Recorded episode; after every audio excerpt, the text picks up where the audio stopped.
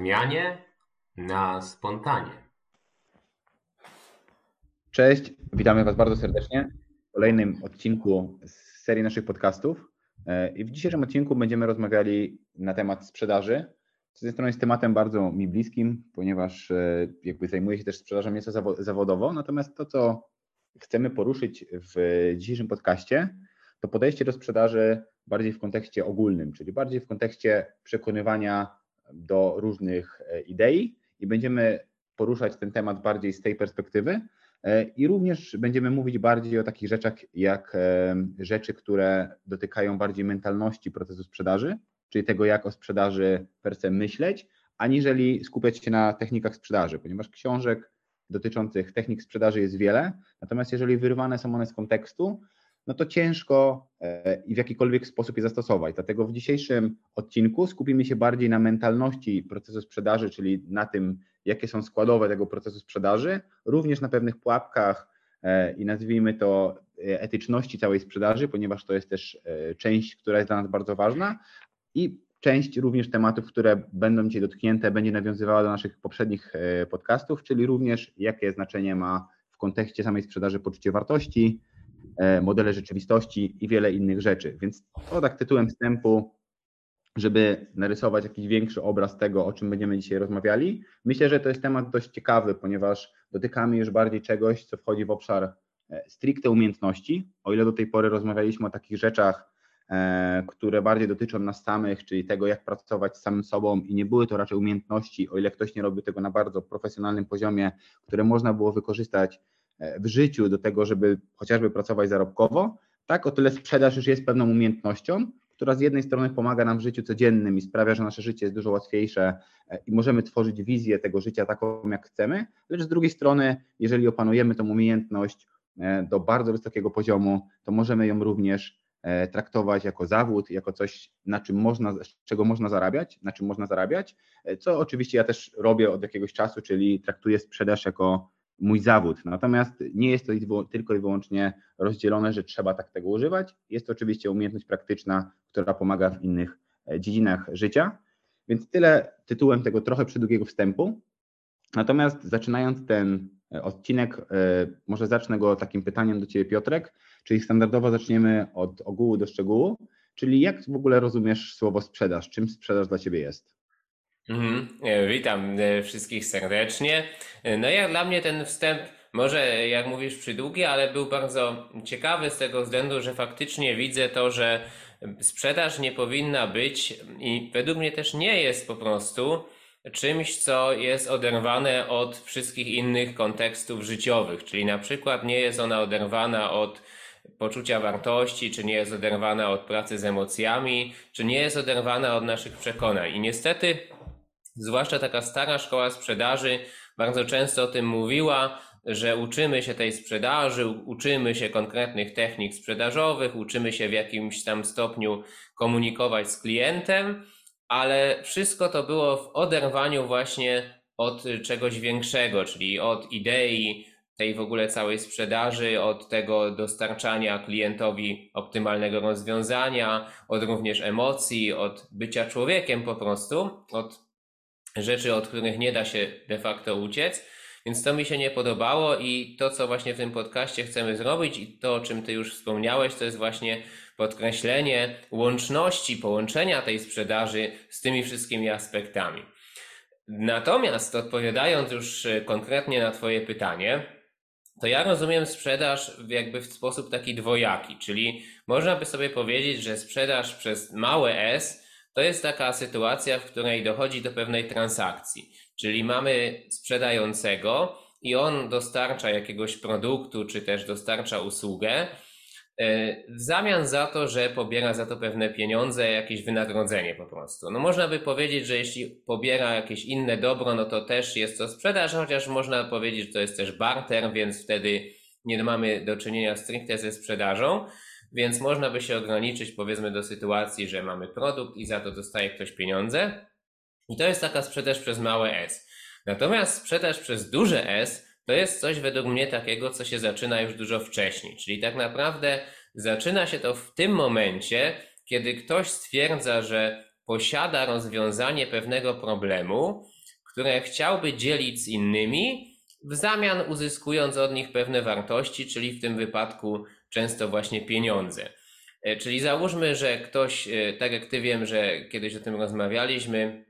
e, miałeś kurs, przechodziłeś przez taki dosyć zaawansowany kurs dotyczący dietetyki, no to gdybyś to stwierdził, że chcesz tylko robić to dla siebie, no to by było ok. No na zasadzie, dobra, mam kurs, y, opracuję dla siebie optymalną dietę, będę ją stosował, będę mieć z tego jakieś korzyści i jakby wtedy nie ma sensu mówić o jakiejś w ogóle sprzedaży czy grupie docelowej, no bo robisz to typowo dla siebie. Ale gdyby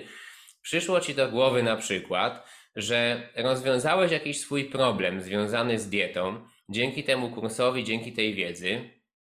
i chciałbyś na tym zacząć zarabiać, czyli chciałbyś z tego zrobić pewnego rodzaju biznes, no to sprzedaż zaczyna się już od tego momentu, kiedy stwierdzasz, OK, ja mam pewne rozwiązanie dla pewnej grupy ludzi, która, które to rozwiązanie daje tej grupie ludzi pewną wartość. I tu już zaczyna się sprzedaż, ponieważ wtedy zaczyna się definiowanie po pierwsze tego, co to jest za wartość w ogóle, tak? Czyli na czym ta wartość polega. W tym wypadku na przykład polega na tym, żeby przeprowadzić osobę od sytuacji, w której ma złą dietę, która powoduje na przykład nadwagę, do sytuacji, w której ma dietę pozwalającą jej schudnąć, żyć zdrowiej, zdrowiej się odżywiać i tak dalej. Więc jedna rzecz to byłaby taka, jaka to jest w ogóle wartość, druga rzecz to byłaby kwestia w ogóle, dla kogo ona jest. Bo też inna dieta będzie dla osoby, która odchudza się, inna dieta dla na przykład kogoś, kto chodzi na siłownię i stara się zbudować masę mięśniową, a jeszcze inna dieta na przykład dla kogoś, kto pracuje dużo umysłowo i w ogóle nie zależy mu na tym, żeby w jakimś tam stopniu zwiększać czy zmniejszać masę, bardziej chodzi o to, żeby ta dieta była zoptymalizowana pod umysł. Czyli ta cała sprzedaż zaczyna się od momentu, kiedy definiujesz pewien problem, pewne rozwiązanie, które ty masz i pewną grupę ludzi, dla których to jest adresowane. I teraz idąc dalej,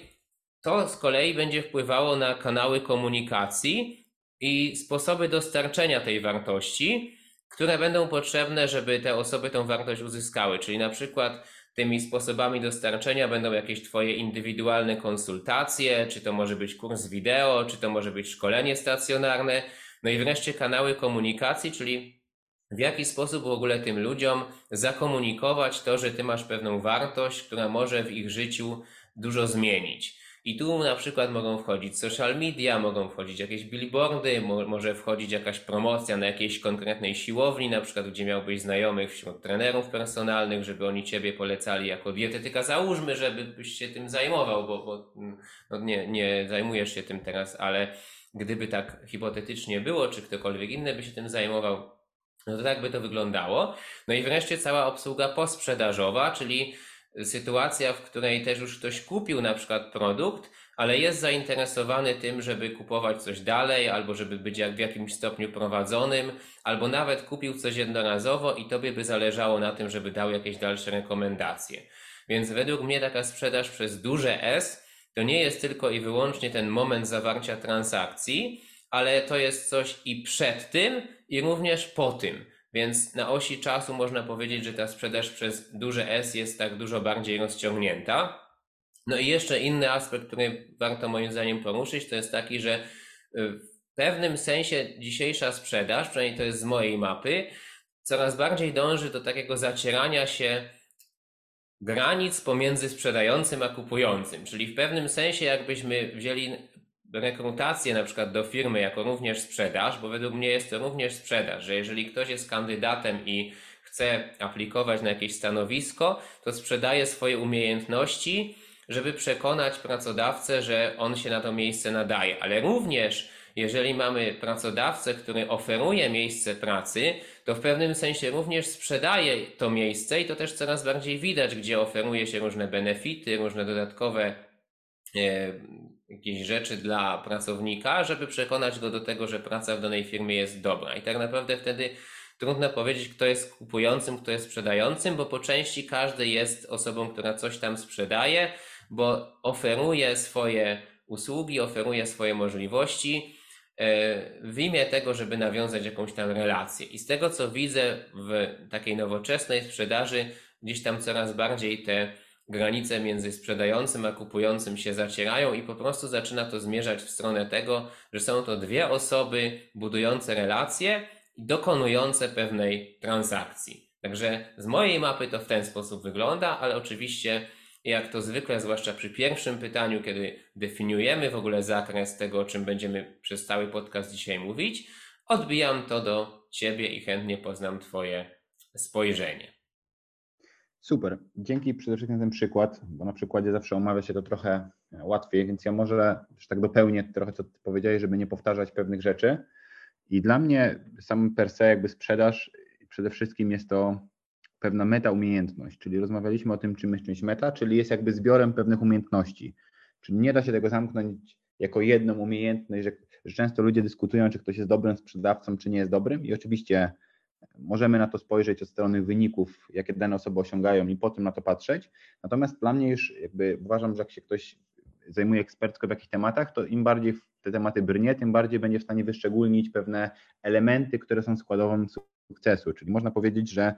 to, co też zacząłem po czasie robić, to rozbijać sobie to na mniejsze elementy e, i zauważyć, że tak jak powiedziałeś, jest kilka ważnych zmiennych. Czyli to, to, ten przykład, który ty podałeś, to można powiedzieć, że jest taka sprzedaż, która taką sprzedażą, ja ją kiedyś nazywałem akwizycyjną, że często spotykam się z kimś raz albo na chwilę, e, jest wyraźny problem, albo ktoś wie, jaki chce kupić produkt i na tym zamykamy naszą transakcję, ale jest taka sprzedaż, która jest taką sprzedażą bardziej relacyjną, czyli można powiedzieć, że zakłada więcej innych procesów, które są w nie zaangażowane,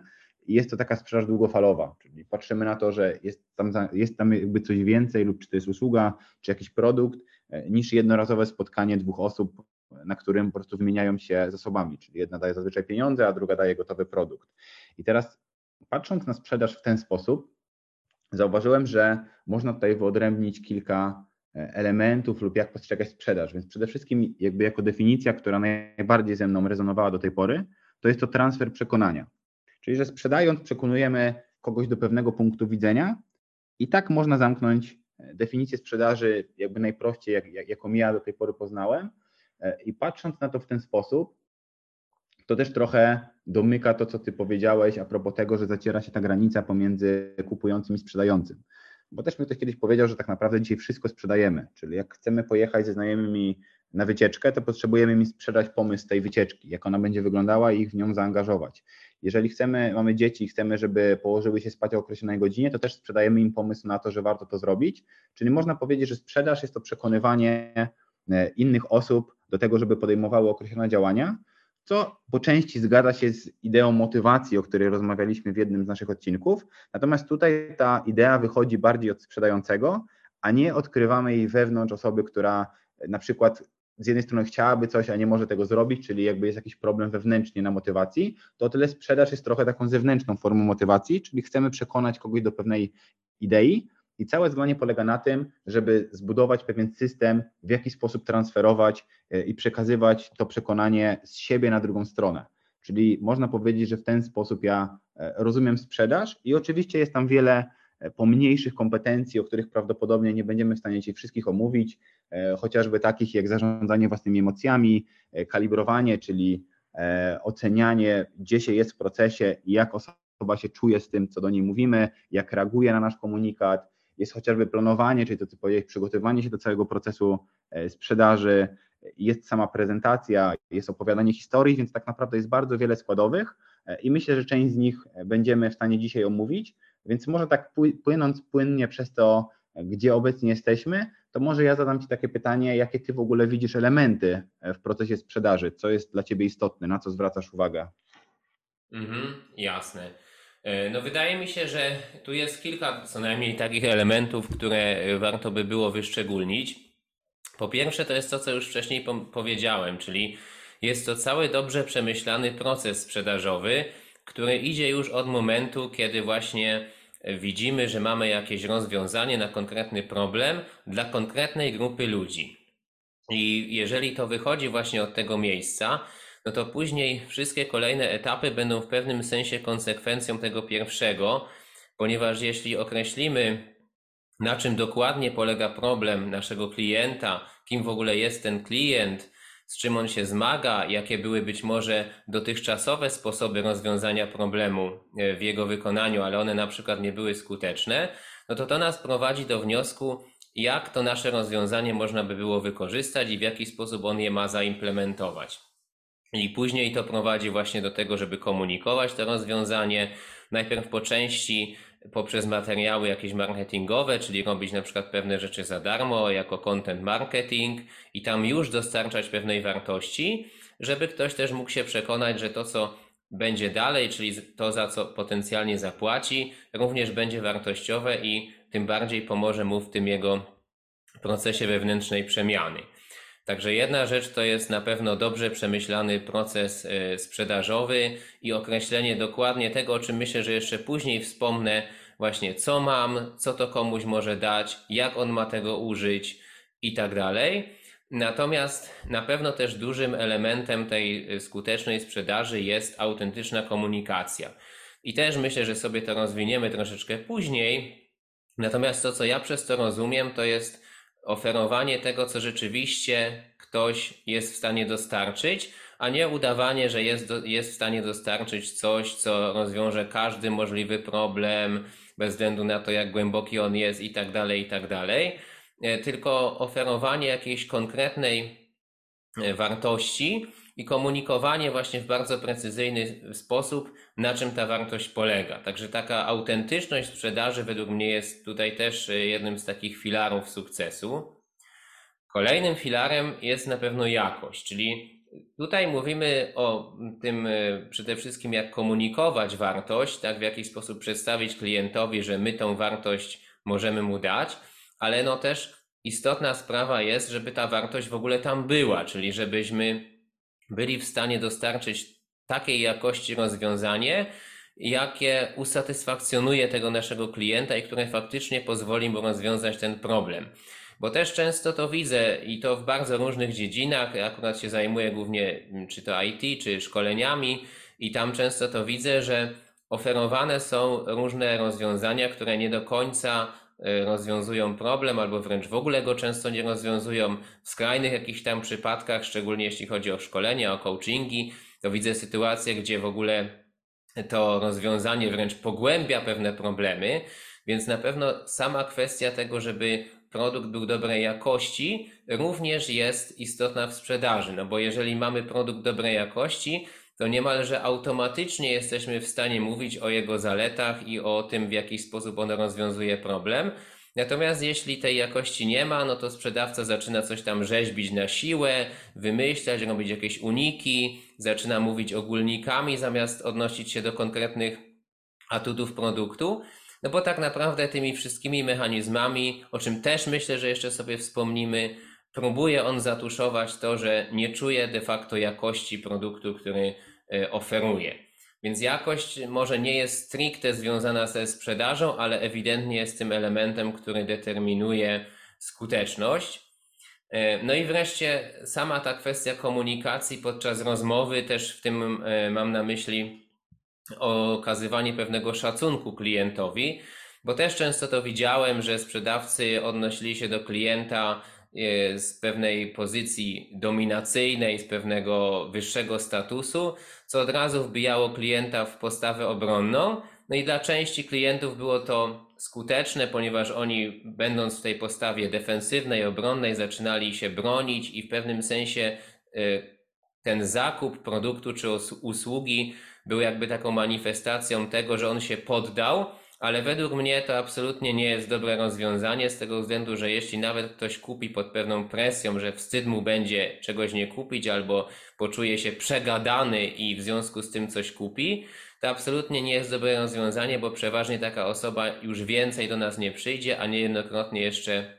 roztoczy negatywną opinię wokół tego produktu, nawet jeżeli on będzie dobrej jakości, no bo po prostu będzie miał wrażenie, że podjął tą decyzję wbrew sobie. I żeby tak się nie stało, to właśnie w komunikacji sprzedażowej, czyli już w samej tutaj mam na myśli tej rozmowie, na przykład jeden na jeden z klientem, kiedy oferujemy mu to, rozwią to rozwiązanie, jest właśnie potrzebny ten szacunek, i też to, co mówiliśmy w kontekście umiejętności socjalnych, czyli takie komunikowanie się z ramy dorosły-dorosły, a nie na przykład rodzic dziecko, gdzie sprzedawca stara się wejść w rodzica, który mówi, co jest dobre i co jest potrzebne klientowi, nie patrząc na to, co jest mu faktycznie potrzebne, tylko idąc z perspektywy dominacyjnej, gdzie on stara się coś narzucić. Więc na pewno ten szacunek w sprzedaży i w tej komunikacji, gdzie on tam ewidentnie może być przekazany, czy to poprzez werbalne struktury, czy poprzez pewne zachowania również niewerbalne, no też będzie kluczowy i według mnie będzie determinował sukces całej sprzedaży. Ja osobiście mogę powiedzieć, że jestem tego typu klientem, że bardzo na to zwracam uwagę i naprawdę nawet jeżeli czasami widzę bardzo wartościowy produkt lub usługę, ale sprzedawca, który się ze mną komunikuje, no nie okazuje tego szacunku albo próbuje mnie jakoś statusowo zdominować. Akurat jestem pod tym względem dosyć uważny, bo też się wiele lat tymi statusami i komunikacją zajmowałem. No to bardzo szybko na to zwracam uwagę. Jest to dla mnie takie często czerwone światło, że nawet jeśli jakość jest dobra, nawet jeśli jest to prawdopodobnie rozwiązanie, którego poszukuję, to jeśli tego szacunku nie ma, to ta sprzedaż jest wtedy Y, przynajmniej w perspektywie mojej osoby, no dużo trudniejsza. Także myślę, że no tutaj jest y, co najmniej kilka elementów, które możemy sobie później rozwijać, ale, ale potwierdza to tym bardziej to, co wspomniałeś właśnie we wstępie, że jest to proces y, dosyć złożony i nie powinien on być rozpatrywany w oderwaniu od takich czysto ludzkich aspektów. Super, bardzo fajna odpowiedź. Jeżeli chodzi w ogóle o ogół, też poruszyłeś tutaj dużo takich rzeczy, które, do których mógłbym w sumie nawiązać teraz. Natomiast tak myśląc o Twojej wypowiedzi, jakby gdzieś się zaczepiając, to ja jeszcze rozgraniczam sobie dwie rzeczy i jakby robię sobie taki wewnętrzny podział na te elementy, które powiedziałeś. Czyli dzielę sobie sprzedaż na część marketingową i na część sprzedażową. Czyli jeżeli mówimy o tej części, gdzie definiujemy nasz produkt, definiujemy albo usługę, definiujemy naszą ideę, tak to nazwijmy, bo idea wpada w taki ogólny zarys, i definiujemy sobie, po co ona powstała i z czym ma sobie poradzić, to można powiedzieć, że pierwsza część tego procesu to jest dokładne zdefiniowanie swojego klienta, kto ma być tym klientem, jaki ma rodzaj problemów i w jaki sposób my za pomocą naszego rozwiązania jesteśmy w stanie sobie z tymi problemami poradzić. A kolejny etap to już jest spotkanie się z potencjalnymi zainteresowanymi i domknięcie procesu sprzedaży. Czyli można powiedzieć, że idąc za przykładem, który użyłeś, czyli za przykładem dietetyki, jeżeli ja lub ktoś chciałby pomagać ludziom w kwestiach żywienia, to można powiedzieć, że jest kilka typów klientów, na których napotka. Są, będą tacy, którzy będą chcieli po prostu zdrowo żyć i utrzymywać witalność, będą tacy, którzy będą chcieli zbudować jakąś sylwetkę, e, bądź zajmują się sportem i będzie im zależało na rezultatach w, w tym sporcie, a będą tacy, którzy na przykład przyjdą z nadwagą i będą chcieli zrzucić kilogramy. Teoretycznie są to różne typy klienta i dobieramy oczywiście do nich różne rozwiązania, natomiast to jestem w stanie jeszcze zrobić na etapie marketingu. Czyli mógłbym dobrze zakomunikować coś za pomocą różnych e, placementów, różnych miejsc, gdzie mogę komunikować i przyjdą do mnie potencjalni klienci, którzy zobaczą, że faktycznie mają taki problem i chcieliby sobie ten, z tym problemem poradzić, mają potrzebę rozwiązania tego problemu. I teraz sprzedaż moim zdaniem dla mnie zaczyna się od tego momentu kiedy mam już jakiś lejek sprzedażowy, nazwijmy jakąś grupę ludzi, którzy wpadają w to, że tak, sami stwierdzili, że chcą e, poznać rozwiązanie tego problemu, co mogą z tym zrobić, i tutaj zaczyna się mój proces sprzedaży, czyli przekonywanie ich do tego, że to ja jestem e, dobrą osobą do tego, żeby im pomóc, lub e, produkt, który reprezentuję, jest dobry do tego, żeby im pomóc, czyli przekonuję ich w dużym skrócie do, do, swojego, do swojej idei i przekonuję ich do siebie. Jeżeli jest to bardziej złożone rozwiązanie, to często będę ich przekonywać również do firmy, która stoi za tym rozwiązaniem, ponieważ jakby dostarczenie rozwiązania będzie kompleksowe i osoby pracujące w tej firmie mają wpływ na to, jaka będzie jakość e, tego rozwiązania, czyli to, o czym też mówiłeś, czy ten czynnik jakościowy. Natomiast jeżeli chodzi o takie składowe i elementy procesu sprzedaży, to wyróżniam, wyróżniam również kilka takich elementów, które muszą się wydarzyć, rzeczy, które muszą się stać, ponieważ inaczej sukces sprzedaży moim zdaniem będzie niemożliwy. Jedną z takich filarów, często też się o tym mówi, jest chociażby zaufanie, czyli mówi się sprzedaży, jak, jak często pada pytanie, co jest najważniejsze w sprzedaży. Nie lubię na to pytanie odpowiadać jednoznacznie, ponieważ jest wiele elementów, które są istotne i jeżeli zaniedbamy chociażby jeden z nich, tak jak powiedziałeś, chociażby na Twoim przykładzie, e, taką statusowość i okazywanie szacunku, to ta sprzedaż jakby upadnie. Natomiast właśnie jednym z najważniejszych jest zaufanie jakby statusowość i okazywanie szacunku moim zdaniem składa się na zaufanie. Czyli Czyli często pojawia się pytanie, e, jaką rolę zaufanie odgrywa w procesie sprzedaży i jak to zaufanie budować. I teraz, o ile metaforycznie ja zawsze używam, że sprzedaż jest to pewnego rodzaju transfer przekonania, czyli przenosimy to przekonanie z siebie na drugą osobę.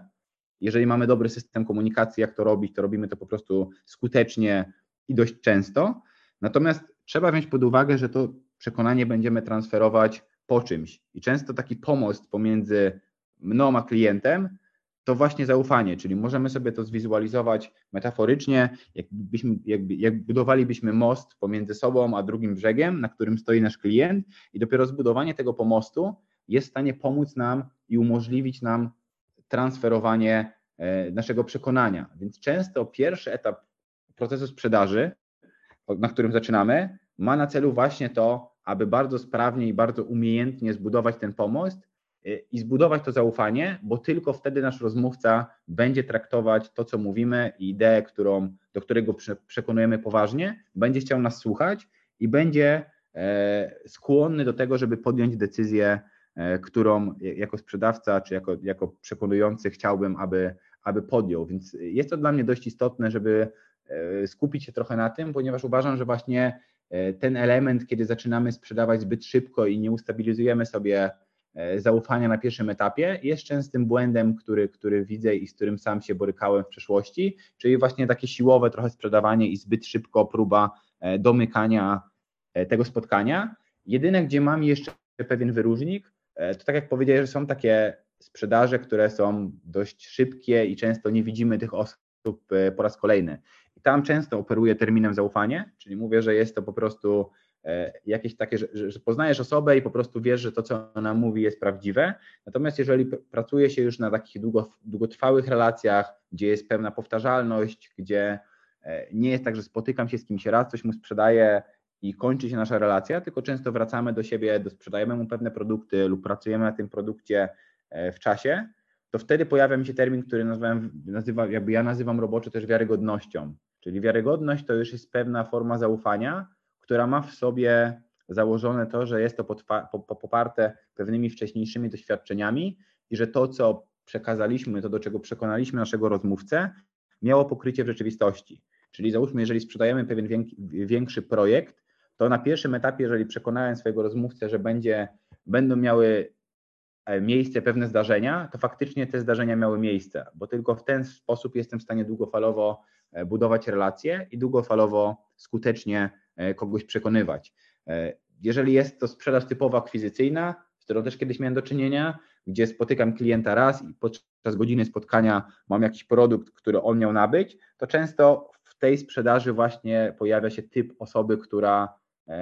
zakrzywia rzeczywistość, mówiąc delikatnie, lub po prostu kłamie i stara się sprzedać coś, co nie rozwiąże problemu klienta, wiedząc o tym, że E, nie spotkają się więcej. I to jest tak zwana sprzedaż, którą wrzucimy w kategorię nieetycznej sprzedaży. Natomiast często w takiej sprzedaży bazującej na długotrwałych relacjach takie, e, takie działania są po prostu bezmyślne i powodują tylko i wyłącznie stratę czasu, bo często mówi się, że oszukać kogoś można, to nie jest jakby trudność oszukać drugiego człowieka, ale często zrobi się to po prostu raz. Czyli jak raz się człowiek nabierze, to już nie będzie się nabierał po raz kolejny, a większość takich e, długotrwałych relacji bazuje na tym, że można powiedzieć, kupony odcinamy dopiero na późniejszym etapie, kiedy e, już te, jakby ta relacja jest ukształtowana i możemy na niej pracować, bo wymaga to od nas dużo mniej energii e, i dużo mniej nakładów pracy, aby e, tą drugą stronę do tego przekonać. Więc to jakby jest taki ode mnie impact, jeżeli chodzi o elementy sprzedażowe. Natomiast może też zapytam Ciebie o tą kwestię zaufania. Jak Ty na to patrzysz, albo jak budować zaufanie w sprzedaży, jednocześnie pozostając w tej sprzedaży osobą autentyczną, czyli żeby nie tracić trochę e, swoich wartości i nie naginać tych wartości na, na to, żeby przekonać klienta, tylko mimo wszystko być autentycznym i jednocześnie budować e, zaufanie ze swoim rozmówcą. Jasne. No w tym, e, z tym, co ty powiedziałeś, to ja w pełni się zgadzam. To znaczy, nawet taki przykład mi przychodzi do głowy, kiedy zdarzyło mi się to raz w życiu, kupowałem coś na Allegro i tam ktoś sprzedawał, bodajże to były jakieś tusze do drukarki i zdarzyła mi się taka sytuacja, że zapłaciłem 70 tam parę złotych za te, za te e, tonery. No i okazało się, że ten człowiek, który to sprzedawał, był po prostu złodziejem. Jak wszedłem później parę dni e, po, tej, po tym zakupie na jego profil, no to już zobaczyłem, że tam jest mnóstwo negatywnych komentarzy, włącznie z takimi, że sprawa została zgłoszona na policję i tak dalej. No i zgadzam się z tym w pełni, że to jest kompletna głupota, bo rzeczywiście oszukać człowieka jednorazowo jest tam stosunkowo prosto, ale tak nawet już abstrahując w ogóle od etyki, że, że no potępiam tego typu zachowanie, ale nawet z perspektywy jakby popatrzeć, czy temu człowiekowi się to w ogóle opłacało, no to według mnie jest to bardzo wątpliwe, bo sprzedał ileś tam tych tonerów, niechby nawet było, że sprzedał 100 tych tonerów za 70 złotych, czyli oszukał ileś tam ludzi na łączną kwotę 7 tysięcy, za co ma teraz ileś tam pozwów na, na policji i nie wiem, czy siedzi, czy nie siedzi, to już jakby jest mniejsza sprawa, no ale na pewno narobił sobie olbrzymich kłopotów, podczas gdy jakby faktycznie sprzedawał i dostarczał tą wartość, to po jakimś czasie mógłby sobie wyrobić taką markę, że nawet by był w stanie sprzedawać powiedzmy te same produkty za wyższą cenę, i spokojnie zarobić kilkukrotnie więcej, gdyby tylko dał temu więcej czasu. Więc oczywiście jeszcze raz to podkreślam, że, że potępiam to pod kątem etycznym, ale gdyby nawet tylko spojrzeć pod kątem takim praktycznym, to często taka sprzedaż, nawet jeżeli nie wiąże się stricte z oszukiwaniem takim już podpadającym pod prawo, że ktoś po prostu coś obiecał, a tego nie wysłał, no to i tak to często nie ma sensu, bo jeśli nie dostarczył tego, co obiecał, to to zemści się i to bardzo szybko. Natomiast przechodząc do Twojego pytania, to uważam, że e, często mówi się o tym, i szczególnie to widziałem w tej takiej starej szkole sprzedażowej, że rzekomo autentyczność jest to coś takiego, co e, uniemożliwia właśnie budowanie takiego zaufania, czy też uniemożliwia danie pewnego obrazu siebie jako pewnego profesjonalisty, a tymczasem z mojej perspektywy jest dokładnie odwrotnie. Czyli właśnie to, co pozwala budować obraz profesjonalisty i jednocześnie budować zaufanie, to jest właśnie ta autentyczność, a nie jej brak. I często się tak uczyło, że no nie możesz być autentyczny, czyli nie możesz rozmawiać tak na przykład jak rozmawiałbyś, nie wiem, z żoną, czy z mamą, czy, czy ze swoim dzieckiem, tylko no, do biznesu to trzeba przywdziać jakąś maskę, która pokaże ciebie od strony profesjonalisty, który ma same najlepsze rozwiązania, same sukcesy w biznesie i tak dalej, i tak dalej. Czyli krótko mówiąc, sprowadzałoby się to do tego, żeby udawać kogoś, kim nie jesteś, i udawać, że ten twój produkt jest też produktem, którego de facto nie masz. A według mnie jest właśnie odwrotnie, ponieważ ja wychodzę z takiego założenia, że marketing można podzielić na taki marketing z ramy informacyjnej i marketing z ramy patologii sprzedażowej. I marketing z ramy informacyjnej to jest taki marketing, w którym Twoim głównym zadaniem jest poinformowanie klienta, co on potencjalnie może od Ciebie dostać. Natomiast marketing patologii sprzedażowej to jest marketing, w, której, w którym starasz się pokazać klientowi, że wszystko, czego on potrzebuje, to jest w stanie uzyskać od ciebie. Czyli tu nie chodzi nawet o to, że tworzysz pewien wizerunek siebie czy też produktu w oczach klienta i to jest patologią, bo generalnie no to nie jest patologią, to jest pewnym, mm, pewną okolicznością, nie da się od tego uciec. Mówiąc pewne rzeczy do klienta, ty tak czy siak tworzysz pewien wizerunek tego, kim ty jesteś, kim jest firma, która za tobą stoi, czym jest produkt czy usługa, jaką oferujesz. Natomiast problem jest taki, że z ramy informacyjnej to ten wizerunek starasz się, żeby on był maksymalnie bliski prawdy. Czyli to, co mówisz klientowi, starasz się, żeby maksymalnie odzwierciedlało to, czym faktycznie produkt jest, co on rozwiązuje, co jest w stanie mu dać. Natomiast z ramy patologii sprzedażowej starasz się, żeby ten wizerunek był maksymalnie wyidealizowany, a nie wcale bliski prawdy. I teraz uważam, że autentyczność jest w stanie zbudować zaufanie, ponieważ jeżeli wychodzisz z ramy informowania kogoś, no to stwierdzasz, dla mnie nawet lepiej by było, gdyby klient nie kupił, jeśli uzna, że to nie dla niego, bo to jest pewien koszt alternatywny. Ja na przykład z takiego E, założenia wychodzę w IT, że jeżeli ja bym miał jakiś kontrakt z kimś w IT i on by mi dał pracę, która de facto nie jest dla mnie, bo ja nie spełniam jego wymagań, to szkoda mojego czasu na taką pracę. To ja wolę w tym samym czasie wykonywać pracę dla kogoś innego, dla kogo to będzie faktyczną wartością i za to pobierać wynagrodzenie.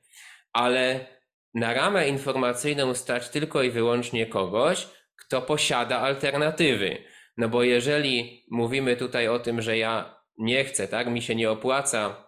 wejść w pewną rolę, gdzie nie spełniam tych wymagań, no to to wynika z kosztu alternatywnego, bo ja w tym samym czasie mógłbym robić dobrą robotę pasującą do wymagań dla kogoś innego. Czyli mam alternatywę, więc posiadam koszt alternatywny i on mnie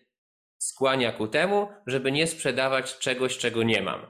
Ale koszt alternatywny mają tylko te osoby, które mają alternatywę. A to pokazuje, że jeśli masz alternatywę, to masz coś, co Cialdini nazywał społecznym dowodem słuszności, czyli to pokazuje, że są inni ludzie, którzy ciebie wybrali. I tak naprawdę, idąc całym tym łańcuchem przyczynowo-skutkowym, można by powiedzieć, że autentyczność pokazuje ramę informacyjną, rama informacyjna pokazuje, że masz alternatywy, a alternatywy pokazują, że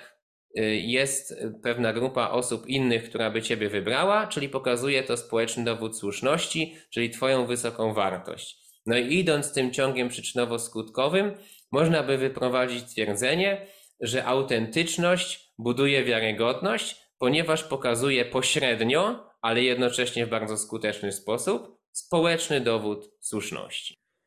Powiem Ci, że to jest ciekawe, co mówisz, szczerze mówiąc. Nawet nie pomyślałem o tym w tym e, kontekście, jakby w taki sposób, więc to jest mega ciekawe, co mówisz, ponieważ e, dla mnie w ogóle, jeżeli chodzi o autentyczność, i pierwsze, co mi przyszło do głowy, jeżeli chodzi, przynajmniej jak kiedyś uczyłem, jak być autentycznym w sprzedaży i co kolidowało, to taka stara szkoła sprzedaży, w której się uczyło, że trzeba na siłę się upodabniać do klienta. Czyli uczyło się tam, że jak przychodzisz na przykład do klienta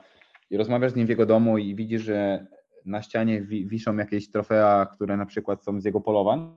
to na siłę starasz się powiedzieć, jak to bardzo ekscytuje Cię jeżdżenie na polowania, jaki to świetny sport, jak bardzo Ci się to podoba, pomimo, że nigdy na tym, mimo nigdy, że, że na polowaniu nie byłeś i nie masz zielonego pojęcia, na czym to polega. I to było dla mnie takie coś, co mnie gryzło strasznie, że często uczyłem się sprzedaży, aby na siłę, e, nie wiem, wyciągać jakieś rzeczy, zdarzenia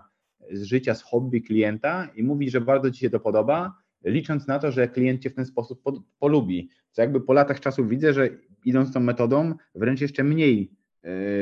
ktoś kogoś polubi, no chyba, że na pewnym poziomie po prostu potrzebuje bardzo dużej ilości walidacji i potwierdzenia tego, że to, co robi w życiu jest dobre. Natomiast na poziomie poważnym, czyli takim nazwijmy to biznesowym, gdzie stricte rozmawia się na poziomie danych i rozmawia się o rozwiązaniach, a nie o sobie, często zauważyłem, że taka metoda i handlowcy, którzy podchodzili w ten sposób, są nieskuteczni lub wręcz na pewnym poziomie ich nie ma. Czyli można powiedzieć, że odpadają na takiej sprzedaży właśnie akwizycyjnej, gdzie jeszcze budowanie raportu, czyli można powiedzieć takiego właśnie zaufania z klientem e, działało. E, I to, co było, jakby też jakby jest nieco, jakby może inaczej. Mam trochę inne podejście do niektórych rzeczy, które powiedziałeś, chociażby właśnie w, klient, w kontekście tego, na ile masz pewną maskę w sprzedaży. I tak, o ile uważam, że rozmawialiśmy też o częściach osobowości w jednym z podcastów, gdzie mówiliśmy, że inaczej będziesz się zachowywać, jak będziesz na przykład w relacji ze swoją mamą, inaczej będziesz się zachowywać w relacji ze swoimi znajomymi, bo będziesz tam grał inną rolę, a inaczej będziesz się zachowywał w relacji na przykład ze, swoim, ze swoimi kolegami z pracy. E, tak również uważam, że w sprzedaży, jakby sprzedaż wymaga pewnego rodzaju osobowości, żeby być w niej skutecznym. Czyli są, jest, tam, jest tam e, pewien zbiór, nazwijmy to cech, które sprzyjają temu, żeby być w tej sprzedaży skutecznym i profesjonalizm jest chociażby jedną z nich, o czym wspomniałeś. I oczywiście warto być profesjonalnym we wszystkich obszarach swojego życia i poprzez wszystkie swoje osobowości. Natomiast jeżeli na przykład ktoś w jednej osobowości byłby mało profesjonalny, bo na przykład spędzałby wolny czas albo chodził na imprezy, które można by zakwalifikować jako mało profesjonalne, tak uważam, że podejście nieprofesjonalne sprzedaży już by się odbiło. I teraz kilka takich rzeczy, jakby druga forma budowania raportu z klientem, budowania zaufania z klientem, którą ja poznałem, jest budowaniem poprzez pozycję eksperta, czyli poprzez to, że jesteśmy bardzo e, wyedukowani w swoim produkcie, jesteśmy ekspertem w tym produkcie, mówimy w taki sposób, jak mówią eksperci, co też bardzo mocno, żeby nie tłumaczyć tego w całości na potrzeby, bo nie mamy na to czasu, na potrzeby tego podcastu. Generalnie eksperci od najmłodszych lat uczeni do tego, żeby słuchać ekspertów. Jak idziemy do lekarza, to lekarz mówi w określony sposób i nasz podświadomy mechanizm twierdzi, że tak, to co on mówi ma rację i powinniśmy tak zrobić. I nie wynika to często z tego, że zweryfikowaliśmy jego dokumenty, jakie szkoły kończył i czy faktycznie rozwiązał już podobnego rodzaju problemy, tylko wynika to z tego, że mówi w określony sposób, który często jest bardzo konkretny i bardzo rzeczowy. I ucząc się tej szkoły sprzedaży, nauczono mnie, że jeżeli wyedukuję się dobrze ze swojego produktu i znam ten produkt, do tego będę mówić w bardzo konkretny i trafiający w potrzeby klienta sposób, także będę po prostu szybko odkrywał, czego on potrzebuje i szybko łapał e, jakby sedno problemu i sedno naszej rozmowy i płynął po tym, a dodatkowo zachowam dość dużą poziom, poziom pozytywnej energii, entuzjazmu w tej rozmowy, to będę wysyłać bardzo silne sygnały do swojego rozmówcy, że jestem po pierwsze osobą godną zaufania, a po drugie, że wiem, po drugie, że wiem w ogóle czym się zajmuję, a po trzecie, że jestem osobą, która dobrze sobie radzi w swoim życiu, a co za tym idzie, również jest w stanie pomóc komuś podjąć dobrą decyzję, no bo na tym finalnie polega sprzedaż, czyli pomagamy, przekonujemy inne osoby do tego, żeby podjęły określone działania. E, I oczywiście ludzie, jako ludzie chcemy podejmować te działania dobre, więc ważne, żeby przedstawić się jakby w, w taki sposób, a niekoniecznie jakby próbować na siłę zbudować sympatię klienta na poziomie jego hobby. Oczywiście, jeżeli zdarzy mi się takie spotkanie, gdzie na przykład e, pracując międzynarodowo trafiłbym klienta, który urodził się w tej samej miejscowości co ja, jest to również świetny temat, gdzie możemy się na chwilę zaczepić i oczywiście zdobędziemy, zdobędę tym dodatkowe punkty. Natomiast to też wynika z autentyczności, czyli fakt tego, że urodziłem się w danej miejscowości jest rzeczą niedyskutowalną, czyli nie ma tej dyskusji, czy tak jest, czy nie ma, jest to po prostu fakt. Jeżeli trafimy wspólne hobby i faktycznie to jest moje hobby, również mogę chwilę o tym porozmawiać, natomiast zauważyłem, że dużo lepszą wartość daje właśnie to, że jednak szybko przechodzimy do sedna problemu jestem w stanie w dość konkretny sposób przedstawić to, w jaki sposób ja bym do tego problemu podszedł i jakie mam rozwiązania. E, I myślę, że to jest dla mnie tak jakby moja autentyczność, że z jednej strony staram się tak robić też w większości innych relacji, które mam po prostu w swoim życiu, bo to oszczędza bardzo dużo czasu. Natomiast uważam, że na potrzeby sprzedaży takie kompetencje są wymagane, czyli można być kompletnie niekonkretną osobą w życiu, jest to jak najbardziej ok, natomiast w sprzedaży, będąc bardzo mocno niekonkretnym, możemy po prostu nie generować e, rezultatów, bo będzie to problematyczne i ludzie, z którymi rozmawiamy, nie będą traktowali nas jako osoby, e, które, której warto słuchać i której warto jakby może nie nawet tyle co ufać, co warto jakby brać jej punkt widzenia i jakby rozwiązanie, które oferuje za takie, które jest najlepsze e, do zastosowania w danym e, momencie. Więc jakby ja sobie tak rozróżniam autentyczność i też jakby bronić trochę swoich wartości, czyli nawet e, jeżeli są jakieś tematy trudne, to ja zawsze na to patrzyłem, żeby po prostu nie wchodzić w nie w ramach spotkania sprzedażowego, czyli jeżeli spotykam się z jakimś potencjalnym klientem, kogoś przekonuję do czegoś i są potencjalne obszary, nie wiem, polityka, religia, czy takie tematy, gdzie każdy może mieć zupełnie inny pogląd, i najlepiej w nie nie wchodzić, bo jeżeli wejdziemy w dyskusję na tym poziomie, to może nas ona bardzo mocno poróżnić. E, tak, o ile jest coś, co rezonuje z moimi wartościami, to jakby idę raczej za tą falą, żeby powiedzieć, że tak, też tak uważam i jest to coś, co jest również spójne ze mną, natomiast nie poruszaj takich tematów wrażliwych, gdzie możemy się po prostu poróżnić, ale absolutnie na siłę nie próbuję na potrzeby spotkania sprzedażowego przyjmować e, wartości mojego rozmówcy. Nawet ktoś tak kiedyś powiedział fajnie, że w sprzedaży trzeba być trochę jak kameleon, czyli dopasowywać się do rozmówcy, ale z drugiej strony kameleon to nie jest kot. Czyli jak kameleon rozmawia z kotem, to może przyjąć trochę barwy kota, ale no w kota się nie zamieni. I to jest takie dla mnie metaforyczne rozróżnienie, gdzie jest ta granica pomiędzy autentycznością e, i trzymaniem pewnych ram osobowości, żeby w tej sprzedaży być skutecznym, a tym, kiedy zamieniamy się, po prostu staramy się zamienić na siłę w drugą osobę i udawać, że jesteśmy e, tacy sami jak ona. Więc tak to widzę. Natomiast jeżeli chodzi też o samą sprzedaż, tak idąc już trochę dalej, to uważam, że też elementem po zaufaniu lub elementem, który teoretycznie może to zaufanie e, budować i wzmacniać, są w sprzedaży pytania. E, czyli tak naprawdę jakby moduł, który poruszyliśmy w naszym podcaście o modelach rzeczywistości, czyli gdzie za pomocą pytań jesteśmy w stanie ten model rzeczywistości odkrywać i to jest bardzo pomocne, e, jeżeli chodzi o, o samą sprzedaż. Natomiast moje pytanie do Ciebie jest takie, jak ty widzisz jakby znaczenie, jaką widzisz istotę pytań w procesie sprzedaży, na ile one są dla ciebie ważne i czy wyróżniasz jakieś pytania między sobą? Nie wiem, jak postrzegasz w ogóle kwestie pytań w tym procesie? Ja zanim może przejdę jeszcze do odpowiedzi na temat mm, pytań, to odniósłbym się do tego, co ty wcześniej wspomniałeś, gdzie tu mm, wyszły takie pewne rozbieżności między nami, aczkolwiek wydaje mi się, że znowu te rozbieżności są mniejsze niż e, mogłoby się na pierwszy rzut oka wydawać, przy czym też gdyby one były, to to też jest ok, to też jest pewna wartość dodana tego podcastu, że nie musimy się zawsze ze sobą zgadzać. I też, co ciekawe, można by to nawet do sprzedaży odnieść, że tak jak ja tutaj teraz e, podkreślam, że może pewne rozbieżności między nami nie są aż takie duże, ale z drugiej strony zauważam, że gdyby one były, to jest ok, to to tak samo jest w sprzedaży, że czasami możemy mieć pewne rozbieżności w punkcie widzenia między nami a klientem i dalej to będzie ok, jeżeli nasza ogólna wizja będzie spójna. Natomiast do czego zmierzam? E, zmierzam do tego, że jeśli chodzi o tą autentyczność, to ja bym dał też taką metaforę. Ty powiedziałeś fajnie o tym kameleonie. Ja bym to powiedział też w ten sposób, że Oczywiście nie zachęcam nikogo do tego, żeby komunikował się z klientem w ten sam sposób, jaki, w jaki komunikuje się na przykład z mamą.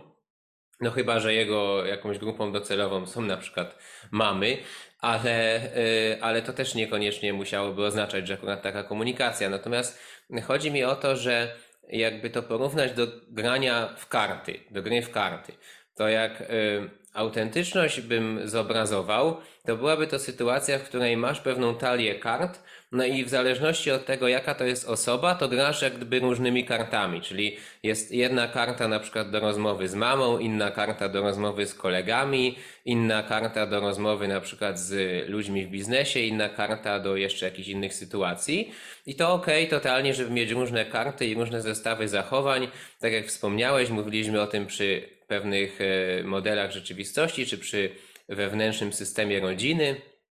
że to jest totalnie ok. I jakby dla mnie autentyczność to jest taka sytuacja, w której niekoniecznie grasz zawsze tą samą kartą ze swojej talii kart, którą, którą trzymasz w ręku. Natomiast nieautentyczność już jest w sytuacji, kiedy nie masz karty, jaką chciałbyś zagrać, dobierasz sobie ją tam gdzieś z leżącej talii i traktujesz jako swoją, czyli de facto grasz e, w jakiejś sytuacji kartą, której nie masz w swoim zestawie. I tak właśnie często ta szkoła sprzedażowa uczyła, stara taka, e, którą no, my w pewnym sensie, e, może nie chcę powiedzieć negujemy, ale poddajemy pod pewną krytykę, żeby właśnie stworzyć jakąś taką dziwną personę sprzedażową, która nijak się nie wiąże z tym wszystkim, co do tej pory znałeś, i to potem zaprezentować klientowi. Według mnie, jeżeli nawet tworzymy pewną osobowość, swoją taką subosobowość, jako siebie, jako sprzedawcy, to również powinna ona czerpać z tych doświadczeń, które już mamy wcześniej i jakby być ewentualnie czymś, co łączy pewne karty, które i tak już trzymamy, a nie być właśnie taką kartą zupełnie z zewnątrz, stosowaną tylko do sprzedaży. I te przykłady, które ty podałeś właśnie ze sprzedawcą, który gdzieś tam próbuje yy, na siłę upodobnić się do klienta, bo na przykład dowiedział się, że klient z przeszłości sztuki walki ćwiczył i on też chciałby coś na ten temat powiedzieć, mimo tego, że nigdy nie ćwiczył sztuk walki, no to próbuje się upodobnić, czyli de facto zagrać tą kartą, której nie ma. Także to tytułem uzupełnienia, natomiast już przechodząc do odpowiedzi, no to uważam, że są jakby dwie sekcje tych pytań związanych ze sprzedażą. Jedna sekcja to, jest takie, to są takie pytania, które warto zadać sobie przede wszystkim,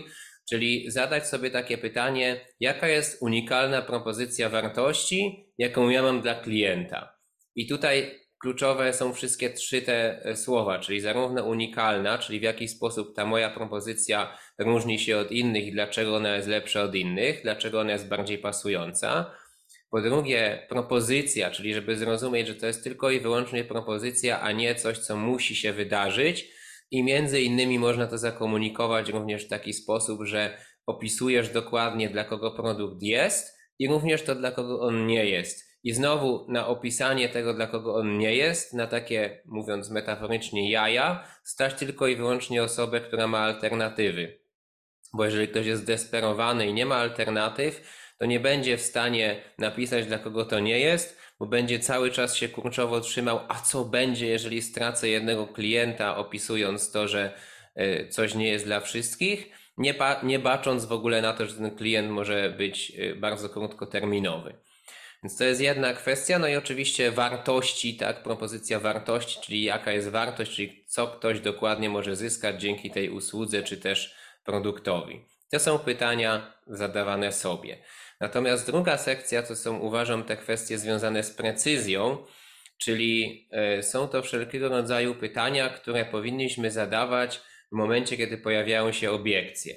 Bo też często mówi się o tym, że w sprzedaży obiekcje są rzeczą naturalną i to nie wynika z tego, że produkt jest w jakiś sposób zły czy niedopasowany, tylko wynika z tego, że klient nie ma całej wiedzy o produkcie od razu. No po to jest spotkanie, żeby mu ją przedstawić i w związku z tym może coś zrozumieć źle, może mieć, a nawet na pewno ma jakąś tam swoją własną mapę rzeczywistości, która może nie być dokładna w kontekście tego produktu, bo na przykład widział niby to podobne produkty wcześniej, ale pytanie, co to znaczy podobne i, i na ile one były faktycznie podobne i co to znaczyło, że y, one były nie takie, jakie oczekiwał i tak dalej, i tak dalej.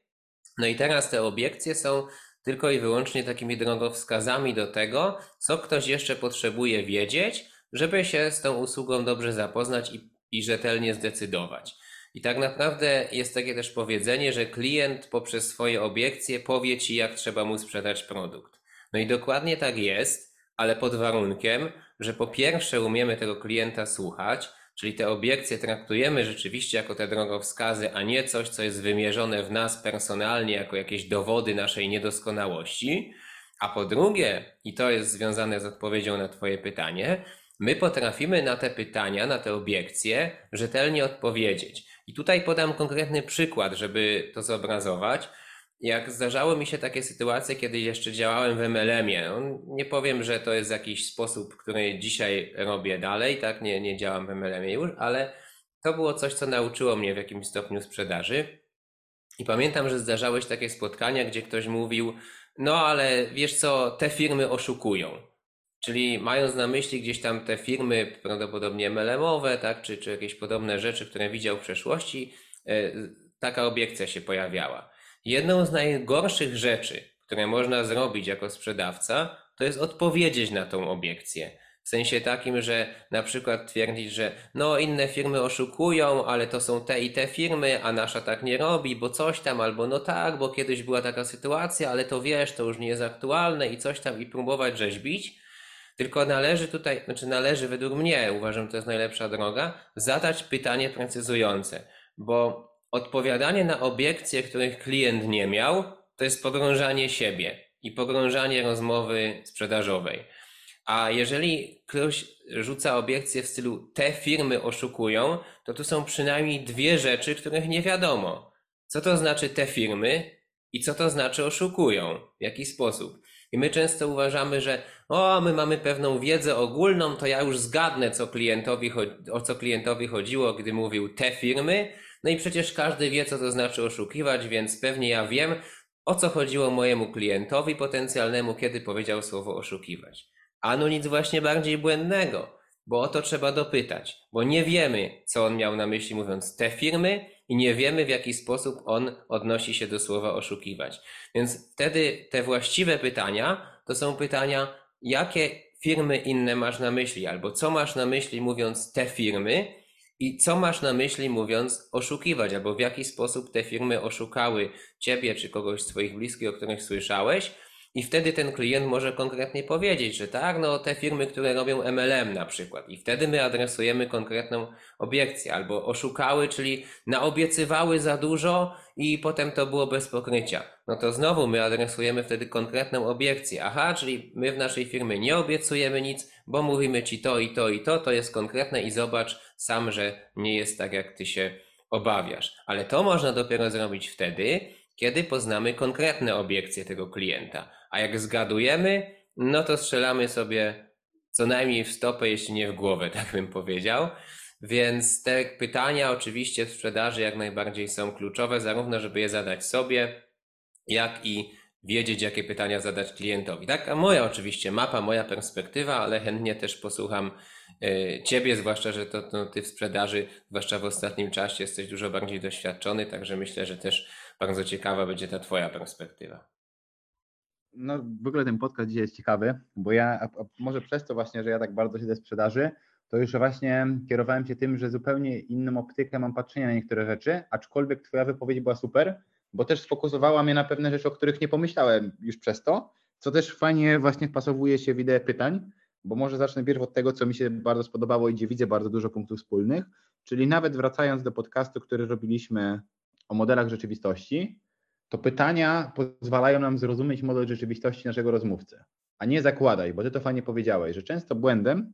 jest to, że zakładamy, że wiemy, ponieważ my tak robimy, czyli zakładamy, że nasz model jest taki sam jak model innych osób e, i po prostu dajemy porady z własnego modelu, czyli patrzymy, co ja bym wybrał, a może być chociażby tak, że produkt lub jakieś rozwiązanie ma wiele, może, może rozwiązać wiele potrzeb lub może spełniać wiele funkcji. Dla jednego samochód może być transportem z punktu A do punktu B, czyli mieć funkcję bardzo praktyczną, a dla drugiej osoby ten sam samochód będzie miał funkcję statusową, czyli ta osoba będzie mogła pomyśleć coś na swój własny temat, dlatego że kupiła sobie określoną markę. I pomimo tego, że produkt jest taki sam, będzie w różnych modelach osób zaspokajał różne potrzeby. Więc dla mnie, jakby idąc też trochę do idei pytań, pytania spełniają właśnie tą funkcję, czyli żeby odkryć wartości, przekonania i potrzeby swojego rozmówcy, bo wtedy tylko i wyłącznie wtedy będę w stanie skutecznie i konkretnie prezentować, bo będę wiedział, na czym się mam skupić i jakie problemy moje rozwiązanie ma dla tego klienta rozwiązać, na której części tego produktu, na której części korzyści tego produktu mam się skupić, a którą w ogóle mogę pominąć, bo będzie ten klient całkowicie będzie tym niezainteresowany i będziemy się mijać. Jeżeli chodzi też o tą kwestię, gdzie ty podzieliłeś pytania na pytania do siebie i te pytania doprecyzowujące, to ja pytania takie do siebie, one są oczywiście mega ważne, ale też jeszcze wrzucam trochę w kategorię tej przygotowania się do sprzedaży, czyli jak teoretycznie wchodzę już z czymś na rynek, jakbym miał jakieś rozwiązanie, z którym chciałbym na tym rynku się pojawić, to to jest jeszcze dla mnie etap marketingowy, na którym kształtuję ten produkt, zastanawiam się nad wartością tego produktu i kto będzie moim e, potencjalnym rozmówcą. Natomiast to jest też dla mnie mega ważne, czyli nie oszukujmy się, że sprzedaży, nawet przygotowując się do klientów w branży, w której działam, załóżmy, że mam jakąś branżę, w której działam regularnie i mogę przewidzieć mniej więcej, z czym się będę mierzył, czyli pewne rzeczy będą tam dla mnie oczywiste, to też bardzo dużą część czasu poświęcam na to, żeby zrobić trochę research na temat klienta i na podstawie tego, co już znajdę gdzieś w internecie i dowiem się o tym kliencie, przygotować się pod to spotkanie, bo to też będzie bardzo mocny czynnik budujący zaufanie w rozmowie. Jeżeli ktoś zobaczy, że faktycznie się nim interesuje, zresztą jeżeli chodzi w ogóle o zaufanie, to uważam, że takie, jakbym miał to zamknąć na poziomie generalnym w dwóch schematach, to powiedziałbym, że pierwszy to jest jestem taki jak ty, czyli znaleźć jak najwięcej podobieństw, podobieństw z klientem, ale pod warunkiem, że są one autentycznie, autentyczne, czyli nie poruszam obszarów, które są wrażliwe lub możemy się poróżnić, a drugi to jest taka szczera intencja chęci pomocy drugiej osobie, czyli że będzie to wyczuwalne, że dbam o swojego rozmówcę na tym spotkaniu i faktycznie zadaję te pytania w tym, z taką intencją, aby się czegoś ciekawego o tej osobie dowiedzieć i aby wykorzystać e, te odpowiedzi, te informacje, które on mi przekaże, żeby zbudować taką relację win-win w której ja z jednej strony będę w stanie dostarczyć mu swoje rozwiązanie i przekonać go do swojego pomysłu, a z drugiej strony on skorzysta na tym pomyśle i jego życie będzie lepsze w jakikolwiek sposób, jak sobie to nie zdefiniujemy. zdefiniujemy. Natomiast moja też definicja pytań, e, czyli jakie pytania się pojawiają w procesie sprzedaży, e, które są jakby już takim sprzedażem stricte, gdzie się z kimś spotykam i mamy realną interakcję,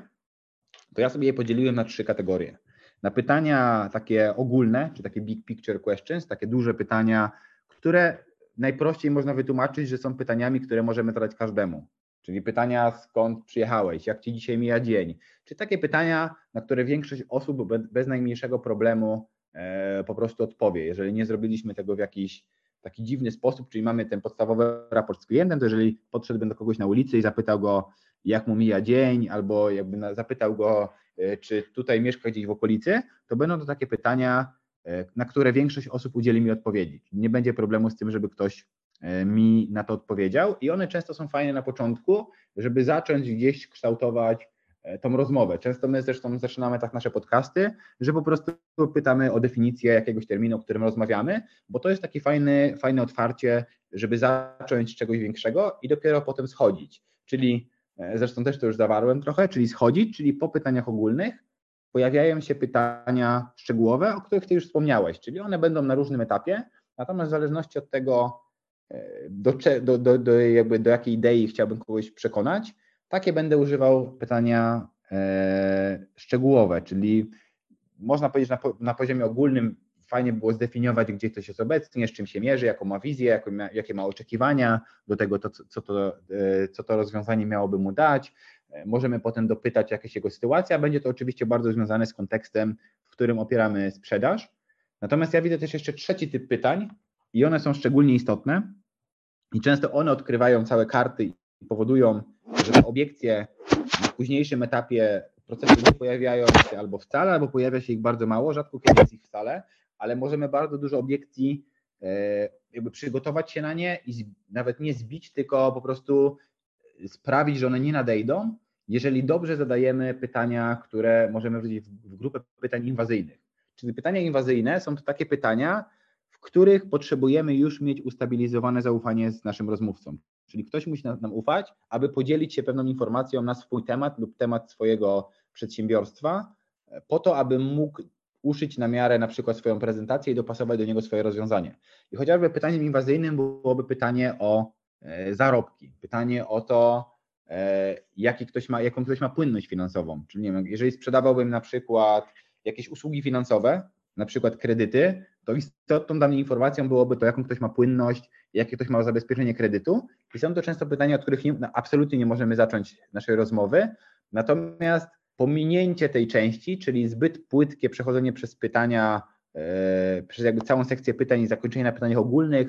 i zbyt mała ilość pytań szczegółowych i brak pytań inwazyjnych, będzie powodowała to, że na późniejszym etapie sprzedaży, oferując wartość tego, co mamy, będziemy zgadywać, ponieważ nie będzie nam brakowało danych do tego, jaka jest sytuacja naszego rozmówcy i co możemy e, z tym zrobić. Więc jakby dla mnie to się też trochę zamyka właśnie z tym konceptem zaufania, że na pierwszym etapie po pierwsze pytania ogólne i dobrze zadane, zadane pytania szczegółowe pokazują, że wiemy o czym rozmawiamy i wiemy w którym kierunku prowadzi się rozmowę i one często jeszcze bardziej wzmacniają ten most pomiędzy mną a rozmówcą, przez co będę w stanie to robić. Natomiast dobrze zadane pytania szczegółowe dają mi prawo do tego, żeby przejść potem do pytań inwazyjnych i wyciągnąć te informacje, które są najbardziej kluczowe do tego, żeby skutecznie domykać e, jakby proces sprzedaży. Mm, I myślę, że jakby z perspektywy pytań nie mam tutaj jakby jeszcze innych pytań. Oczywiście tym, tym można jakby trochę manewrować, natomiast ten podział na te trzy jest dla mnie taki najbardziej, e, najbardziej e, praktyczny i najczęściej go po prostu e, stosuję.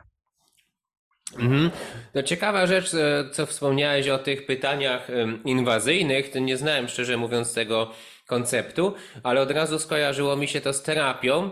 bo podobnie jest w terapii, że jeśli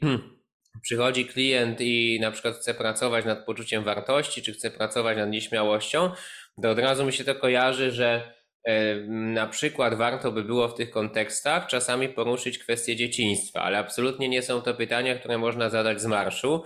tylko buduje się pewnego rodzaju, to czasami nawet się nazywa przymierze terapeutyczne, ale tak naprawdę na poziomie statusowym sprowadza się to do tego, że buduje się po prostu pewne zaufanie. I można to powiedzieć też w kontekście tego, co mówiliśmy o umiejętnościach socjalnych w jednym z podcastów, że jedną z takich umiejętności socjalnych jest kalibracja, czyli też umiejętność y, ustalenia tego, jaki jest nasz kapitał socjalny u innej osoby, czyli jakby na ile tamta osoba jest gotowa za nami podążać. I też ten kapitał socjalny, jeżeli jest wysoki, no to on pokazuje, że jesteśmy w stanie jakby zadać takie inwazyjne pytanie. No i ten kapitał socjalny się buduje dwoma sposobami, albo przez autorytet, albo przez zażyłość, czyli przez właśnie budowę tego zaufania, a czasami najlepiej y, przez jedno i drugie, więc y, gdzieś tam budując poprzez te pytania szczegółowe i wpierw ogólne, o których Ty wspomniałeś, ten kapitał socjalny, możemy później używać tego kapitału socjalnego, żeby zadawać pytania już takie bardziej inwazyjne. No i to jest właśnie też jednym z częstych błędów, które widzę, że popełnia wiele osób, które się zajmują nawet czy to coachingiem, czy, czy nawet terapią, a też i sprzedażą, o której dzisiaj tyle mówimy, że właśnie zaczyna zadawać pytania zbyt inwazyjne w stosunku do tego kapitału socjalnego, który ma. Bo tak naprawdę można powiedzieć, kiedy pytanie jest inwazyjne, no w zasadzie y, nie ma jakby na to bezwzględnej odpowiedzi. Ono można powiedzieć, że jest zbyt inwazyjne wtedy, kiedy jest zbyt na wyrost poza tym kapitałem socjalnym, który ktoś zbudował. No i wszystko, co jest wcześniej, powinno zmierzać do tego, żeby ten kapitał socjalny zbudować. Między innymi, czy to autentyczność, czy szacunek,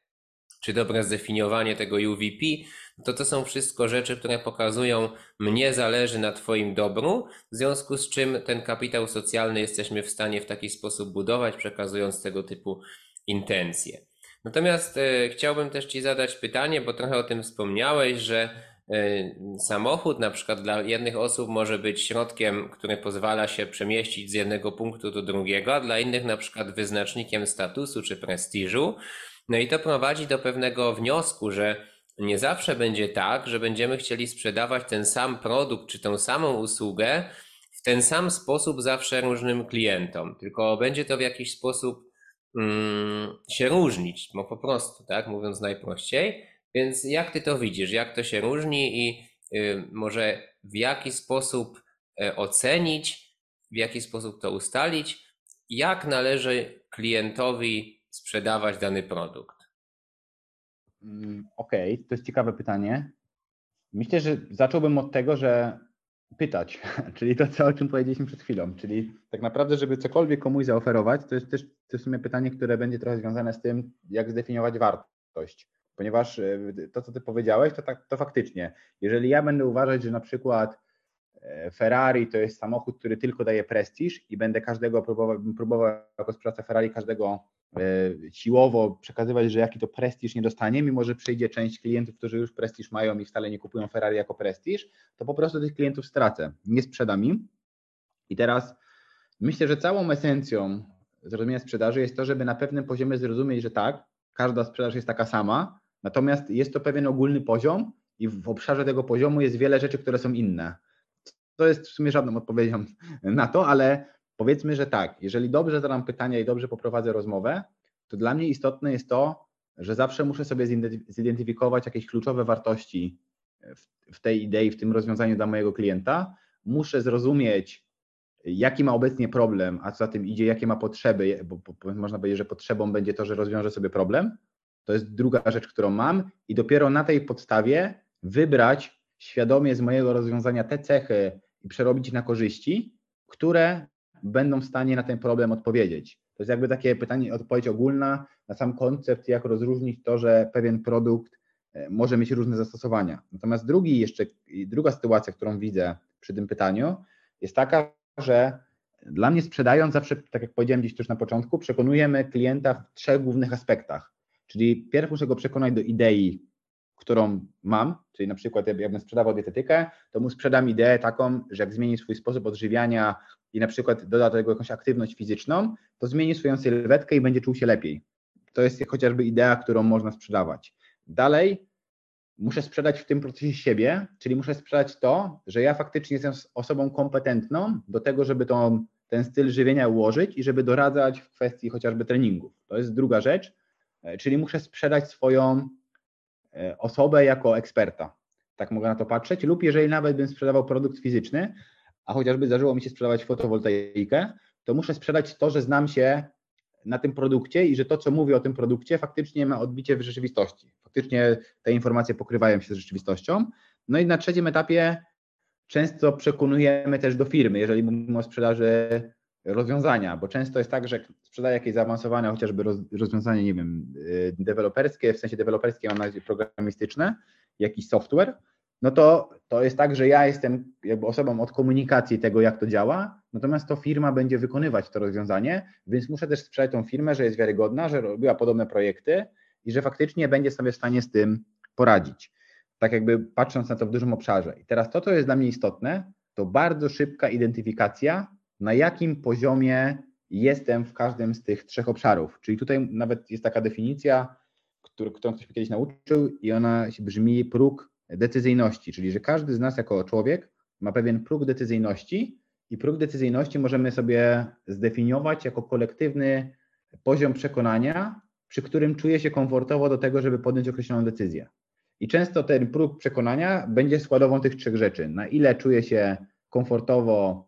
jeżeli chodzi o ideę, którą ktoś mi prezentuje, na ile czuję się przekonany, że faktycznie ta idea ma sens, na ile czuję się, że sens ma osoba, która mi to prezentuje i na ile faktycznie firma, która stoi za tą ideą, też jest wiarygodna i też warto jej zaufać. Jeżeli te trzy obszary są na bardzo wysokim poziomie, to zazwyczaj nie pojawiają się w procesie sprzedaży obiekcje, bo często obiekcje będą po prostu taką zasłoną dymną i ktoś będzie komunikował, nie czuje się jeszcze wystarczająco pewnym, żeby podjąć decyzję, a jego umysł stworzy jakiś, e, jakąś racjonalizację lub jakiś argument, żeby powiedzieć, z czego to wynika, że nie jest pewny, czyli powie na przykład, że nie ma pieniędzy. A będą konteksty w życiu, gdzie ta sama kwota nie, sta, nie stanowiłaby dla tej osoby jakiegoś większego znaczenia. Po prostu ktoś, kto komunikuje, nie mam pieniędzy, będzie również komunikował, że nie widzi w tym wartości. Więc co za tym idzie, nie, nie jest przekonany do tego, że idea na przykład jest dla niego wartościowa. I to, co jest dla mnie bardzo istotne i co nawet wyróżnia moim zdaniem dobrych sprzedawców, jest to, że szybko umieją są w stanie rozpoznać, na ile ktoś jest przekonany do e, każdej z tych trzech rzeczy. Czyli zdarzyły mi się spotkania, e, chociażby sprzedając fotowoltaikę, tak użyję tego przykładu,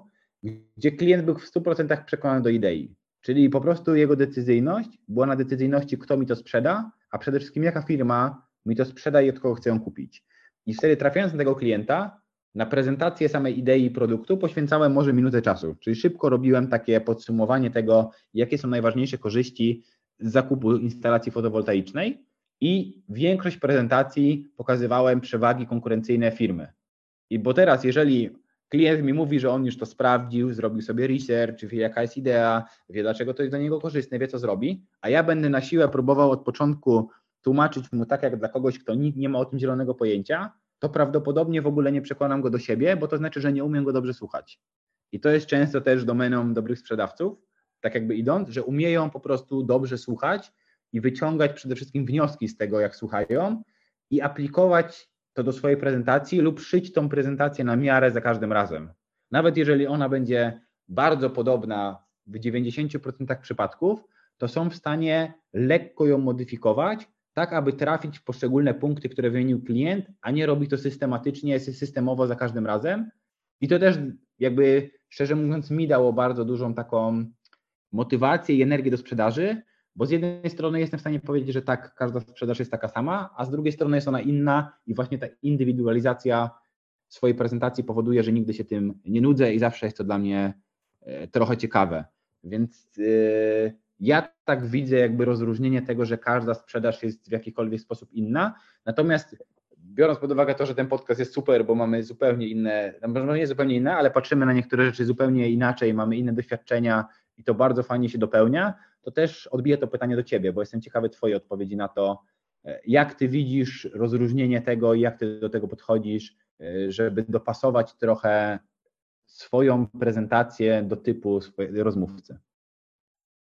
No ja na to pytanie może odpowiem bazując na szkoleniach i na też coachingach. Jak się nad tym zastanawiałem, dla kogo to jest, e, szczególnie jeśli chodzi właśnie o pracę nad poczuciem wa własnej wartości czy nad pewnością siebie, no to zauważyłem, że jest kilka grup osób, które poszukują właśnie takiej wiedzy. Czyli na przykład z jednej strony są to młodzi, można nawet powiedzieć chłopcy czy młodzi mężczyźni, którzy gdzieś tam próbują wejść w taki świat bardziej socjalny, poznać więcej ludzi, poznać być może kobietę, która będzie ich w przyszłości, w przyszłości partnerką życiową i tak dalej. No i potrzebują do tego pewności siebie, a za tym na przykład idzie poczucie własnej wartości. A zupełnie inna grupa osób to mogą być powiedzmy osoby, które y, są już starsze, mają y, jakąś y, karierę zawodową za sobą, ale na przykład chciałyby podszlifować swoją pewność siebie w kontekście wystąpień publicznych i te osoby na przykład mierzą się z zupełnie innymi problemami pod kątem pewności siebie, bo na przykład mierzą się z taką obiekcją, że no kurczę, jak to jest, że już mam na przykład 35 lat, już mam zespół, który prowadzę od wielu lat, mam jakieś osiągnięcia, a ciągle czuję się niepewny siebie, no to jak to teraz jest? I problemy z pewnością siebie, jakie będzie miał na przykład 18-latek poszukujący na przykład gdzieś tam swojej dziewczyny, a 35-latek, który ma już kawał kariery za sobą i trochę sam siebie w głowie ochrzania za to, że ciągle w pewnych kontekstach nie jest pewny siebie, to będą zupełnie inne problemy, mimo tego, że na poziomie e, takim szerszym to będzie jakby ciągle ta kwestia pewności siebie i poczucia własnej wartości. No i teraz dotarcie do takich klientów, do każdego z tych klientów inaczej e, trzeba dotrzeć, bo to się będzie różniło ze względu chociażby na język, jaki, jakiego używają te osoby. Innego języka używają osoby bardzo młode i innymi się kierują powiedzmy motywacjami, czy motywami w życiu niż osoby właśnie z tej, załóżmy, drugiej grupy. Czyli na przykład takiemu młodemu chłopakowi bardziej trzeba byłoby pokazać, że on w ogóle może się zmienić, że w ogóle wiele rzeczy może postrzegać źle, bo mu to wmówiło programowanie społeczne, bo być może ma pewne schematy z domu i tak dalej. A na przykład osobie już bardziej doświadczonej można by było pokazać, że pewne konteksty pewności siebie niekoniecznie muszą ze sobą być powiązane, że mogą tam występować jakieś schematy związane właśnie z tym, że to jego eksperckość, jego pewien dorobek, który już ma, zostanie oceniony i w jakimś tam stopniu zanegowany, a niekoniecznie to jest przekonanie, w które należałoby wierzyć i tak dalej. Podczas gdy no, taki młody chłopak jeszcze przeważnie żadnego dorobku nie ma i to jest dla niego problemem, czyli można powiedzieć w pewnym sensie, że dla młodej osoby szukającej pewności siebie problemem jest to, że ona nie ma żadnego dorobku. W cudzysłowie oczywiście, bo każdy coś tam ze sobą niesie i uważa, że nie mogę być pewny siebie, bo nie mam dorobku, a osoba, która już dużo osiągnęła, stwierdza, no nie mogę być pewna siebie, bo mam już dorobek pewien, więc jak się okaże, że czegoś tu nie umiem, to ten dorobek jakoś tam runie. I są to zupełnie inne przykłady, e, ale one obrazują właśnie tą odpowiedź, czyli że E, rozróżnienie tego, jak wygląda mapa świata tej osoby, która potrzebuje Twoich usług, no to jest tutaj kluczowa w kontekście tego, co e, sprzedajesz i jakie rozwiązania oferujesz, mimo tego, że być może sposoby dojścia potem do tej pewności siebie i dla jednego i dla drugiego będą bardzo podobne. Więc e, uważam, że to, co trzeba byłoby zrobić, żeby wiedzieć, jak sprzedać dany produkt, to jest bardzo dobrze wczuć się w rzeczywistość drugiej osoby, czyli jak wygląda świat oczami tej osoby, która miałaby coś od ciebie kupić, jak on wygląda w tej chwili, jak on będzie ewentualnie wyglądał, kiedy zacznie implementować to rozwiązanie, jak on finalnie będzie wyglądał, kiedy już to rozwiązanie e, wdroży. I tutaj nie jest to tylko kwestia zastanowienia się nad tym, ile taka osoba ma lat i gdzie mieszka, tylko bardziej właśnie jakby to było z Twojej perspektywy, jakby to było być nią, być tą osobą po prostu. I to nie jest łatwe, są różne sposoby, nie będę tutaj tego rozwijał, chociażby model Dilca, który pozwala na różnych płaszczyznach się wgryźć w buty tej drugiej osoby, jak to jest być kimś innym, e, ale pewnie są inne też opcje. Natomiast no, jest to pewna istotna praca koncepcyjna, którą należy wykonać. I według mnie wielu sprzedawców nigdy nie zadało sobie tak naprawdę tego pytania: jak to jest być moim klientem? No i nie ma się co dziwić potem, że brakuje im czasami w rozmowie argumentów. Tak, znaczy w ogóle jeżeli chodzi o wchodzenie w buty klienta, to to jest bardzo ważny etap, czy taka mapa empatii, kiedyś słyszałem, że to się nazywa mapa empatii, można to nazwać wchodzeniem w buty klienta, e, czyli wchodzenie z drugiej pozycji percepcyjnej, zastanawianie się, jak myśli ta osoba, z czym się mierzy i co będzie dla niej dobre. Natomiast y, ja akurat nie myślałem, żeby to dzisiaj powiedzieć, bo to trochę wykracza poza space mm, e, tego podcastu. W sensie jest bardzo wiele rzeczy, o których chętnie bym powiedział. Natomiast nasz podcast rozciągnąłby się na pewno do przynajmniej 6 godzin. I myślę, że staramy się, jakby staram się podkreślić takie na jakby. To mi się spodobało, ale no zgadzam się z tobą, że pewnie by tak było. Bo można to tak widzieć, że już jak nam się bardzo, bardzo dobrze rozmawia i bardzo tutaj yy, rozwięźle, jakby, że tak powiem, idzie ten podcast, jakby pewnie będzie on jednym z dłuższych. Natomiast yy, jakby rzecz, która dla mnie jest też istotna, jakby idąc dalej, już może do kolejnej, do kolejnej części, zamykając trochę tą część yy, patrzenia na, na, na sprzedaż, jakby rozróżnienia tego, co zaoferować komu, czyli jak patrzeć na swoją wartość i żeby, no to kiedyś fajnie powiedział, żeby nie rzucać trochę takim makaronem w ścianę że często właśnie sprzedawcy, którzy nie rozumieją tego, o czym właśnie powiedzieliśmy, biorą takie trochę ugotowany makaron, rzucają tym makaronem w ścianę i liczą, że coś z tego makaronu się doklei, klient akurat coś złapie i powie, że to jest fajne, zamiast po prostu dopytać i precyzyjnie jak snajper wycelować w niektóre punkty, które dla naszego klienta są najistotniejsze i tak dopasować właśnie swoją prezentację, aby ona pasowała. Natomiast temat, który też pasuje rzadko się nie mówi sprzedaży, ale pasuje bardzo do trochę inwencji i jakby kreacji tych podcastów, które robimy, do tego, czym się zajmujemy i o czym rozmawiamy, to jest kwestia poczucia wartości w kontekście sprzedaży. Yy, czyli jak ty widzisz to, na ile poczucie wartości, o ile oczywiście rozmawialiśmy, na ile jest istotne w życiu, że jeżeli masz zdrowe poczucie wartości, to po prostu jakość twojego życia jest dużo wyższa. A jakbyś ulokował poczucie wartości w kontekście sprzedaży, czyli jakie mogą być potencjalne negatywne konsekwencje tego, że ktoś ma nieprzepracowane poczucie wartości, a e, próbuje coś prezentować albo przekonywać innych do, do swoich e, idei. To jest mega pytanie, ja uwielbiam o tym gadać. W ogóle jeśli chodzi o poczucie wartości, to też tak jak ty wspomniałeś, że myślę, że ten podcast się mógł rozszerzyć do kilku ładnych godzin na sam tylko i wyłącznie ten temat. Swoją drogą pierwszy nasz podcast był na temat właśnie poczucia wartości, więc też odsyłamy do tego, jeśli chcielibyście e, troszeczkę zgłębić to, e, jak je budować, albo mm, jak uniknąć pewnych rzeczy, które je nam zabierają.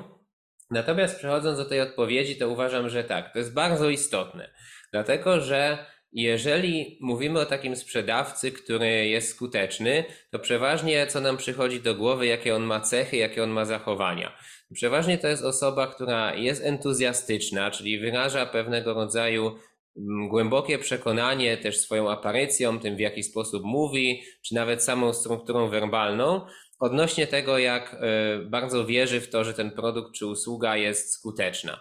Mm, po drugie, jest to osoba, która właśnie mm, otwarcie i odważnie mierzy się z obiekcjami, która nie traktuje też odmowy personalnie, w związku z czym może sobie pozwolić na większą ekspresję, na większe zaangażowanie e, podczas rozmowy sprzedażowej, no bo wie, że nawet jeśli to zaangażowanie nie zostanie finalnie nagrodzone w postaci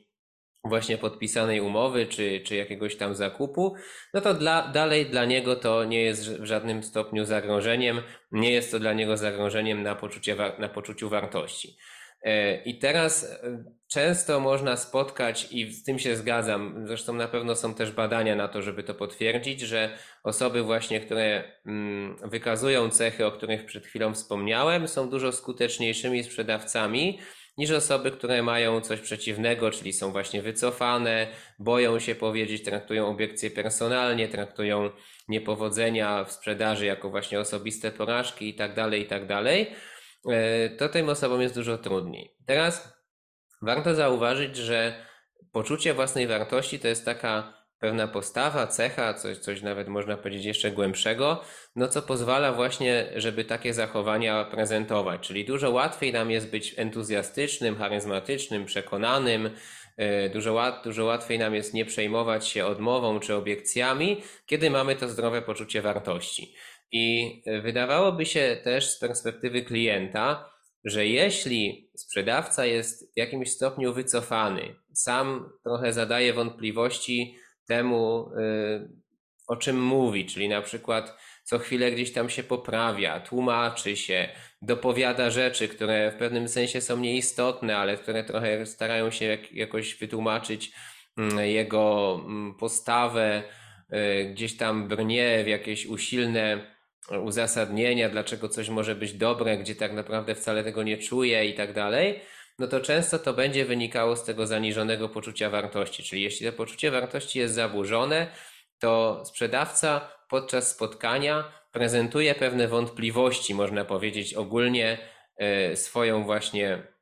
aparycją czy e, strukturą werbalną. I one są odbierane przez tego klienta. My w sumie o tym mówiliśmy przy poczuciu wartości, tak ogólnie, że takie osoby z zaniżonym poczuciem wartości prezentują taką pewną wątpliwość wokół siebie. I ta wątpliwość jest wyczuwana przez rozmówcę. Natomiast w sprzedaży ma to szczególne znaczenie, ponieważ tam jest pewnego rodzaju obiekt sprzedaży, można tak to ująć w uproszczeniu, czyli właśnie ta usługa czy produkt. No i teraz, jeżeli klient potencjalny widzi te y, nasze wątpliwości wewnętrzne, czy to wycofanie, czy ten strach, który na przykład może wynikać z obawy przed byciem ocenionym, odrzuconym, to wtedy bardzo często będzie on przypisywał te wątpliwości temu, że my nie wierzymy w produkt. A to nieprawda wcale może być, bo ktoś w siebie nie wierzy, a nie w produkt. Ktoś do siebie ma pretensje, a nie zastrzeżenia do produktu. Ktoś wstydzi się za siebie, za to, kim uważa, że jest, a nie za produkt, który chce sprzedać. Ale klient nie ma szklanej kuli, chyba że jest bardzo dobrze wykalibrowany, ale to też nie jest jego zadaniem, żeby takich rzeczy używać. Mm, e, to nie będzie wiedział, czy ty masz wątpliwości do siebie, czy do produktu. Tylko stwierdzi ten sprzedawca, jest pełen jakichś wewnętrznych wątpliwości, może konfliktów wewnętrznych czy obaw, czyli prawdopodobnie ten jego produkt jest słaby, bo on się nawet boi go tutaj porządnie zaprezentować. A tymczasem ten sprzedawca będzie siebie się bał zaprezentować, a z produktem będzie uważał, że jest wszystko ok. No ale klient tego nie rozpozna, bo on nie wie, czego dotyczą te wątpliwości.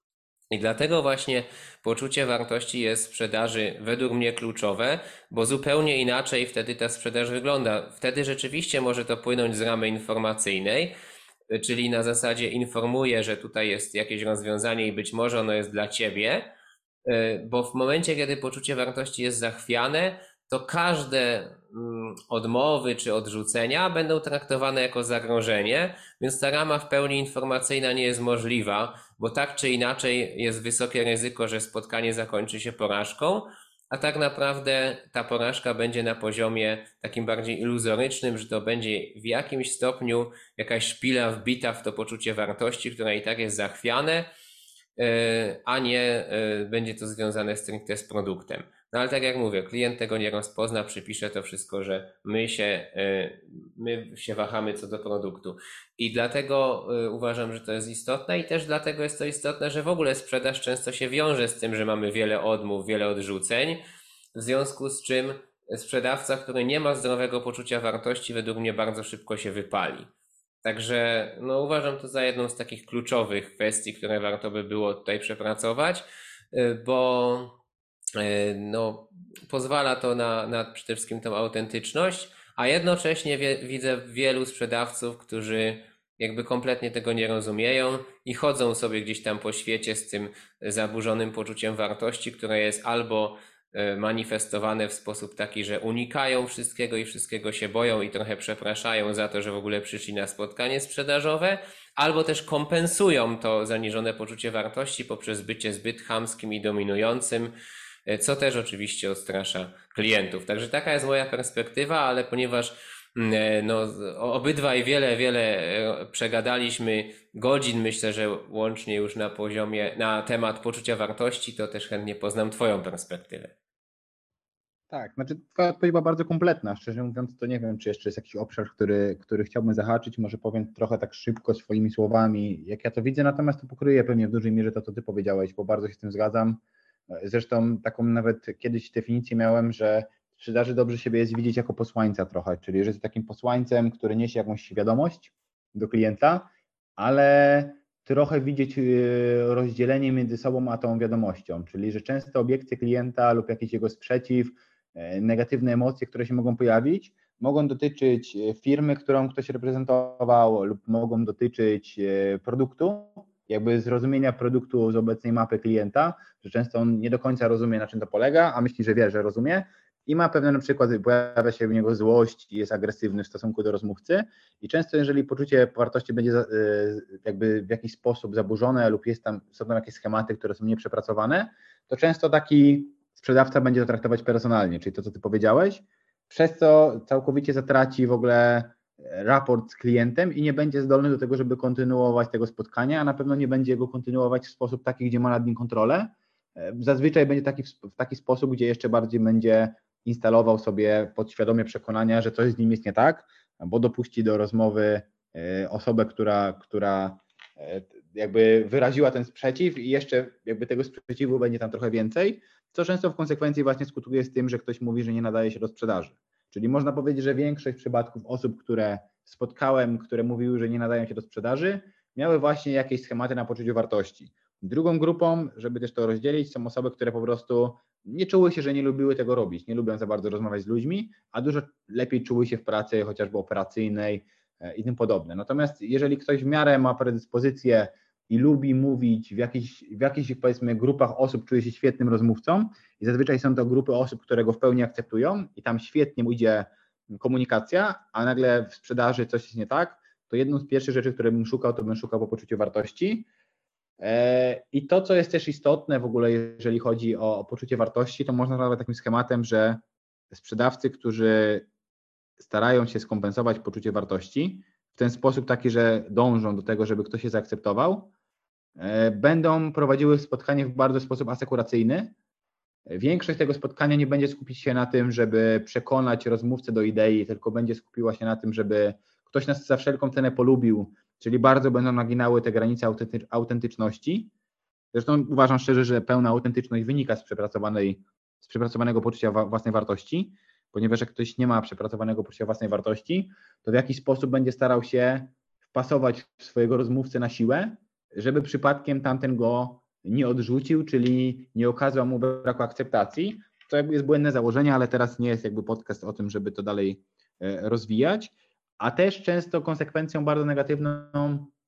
jest to, że ktoś nie umie stawiać jasnych granic i właśnie sprzeciwiać się swojemu, swojemu klientowi. Czyli przychodzi sytuacja, gdzie prezentujemy coś bardzo kolorowo, a nagle klient mówi: No dobrze, a, a to czy w takim razie będzie Pan też w stanie dla mnie zrobić to, to i to? I teraz sprzedawca, który boi się tego, że klient się sprzeciwi lub bierze to bardzo personalnie, bardzo często, często będzie miał problem z tym, żeby powiedzieć, nie niestety, ale w zakresie tego, co oferuje, wchodzi to, a, a ta część jest dodatkowo płatna, albo ta część jest e, niezwiązana jakby z, z, tym, co my oferujemy. Musi Pan sobie to pozyskać dodatkowo. E, lub często problem, jeżeli chodzi o poczucie wartości, był też z tym, żeby e, mówić o pieniądzach, czyli mówić o tym, ile dane rozwiązanie kosztuje.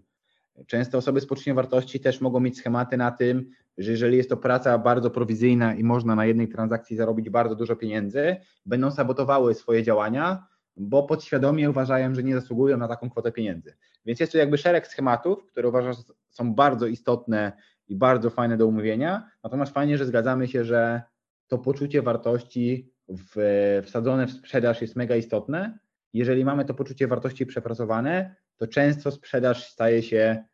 bardzo przyjemna i bardzo ciekawym i fajnym doświadczeniem i procesem, pod warunkiem, że lubimy rozmawiać z ludźmi i jest to coś, co sprawia nam w życiu przyjemność i jakby jest czymś, co e, daje nam w jakikolwiek sposób e, radość. Mm, I tak jeszcze ostatni temat, który może zahaczymy, pomimo tego, że już tego kontentu jest dużo, i coś, o czym też się rzadko mówi. Co prawda, poruszyliśmy bardzo dużo z tych kwestii w e, pułapkach rozwoju. To jest taka moralność i etyka sprzedaży, ponieważ ja, szczerze mówiąc, jak już zrozumiałem system sprzedaży, to najwięcej wątpliwości miałem na poziomie właśnie moralnym, czyli bardzo lubię kwestionować swoją moralność e, na takim porządku dziennym, czyli zadawać sobie pytania, czy faktycznie to, co robię, daje jakąś wartość światu, czy to, co robię, jest dobre e,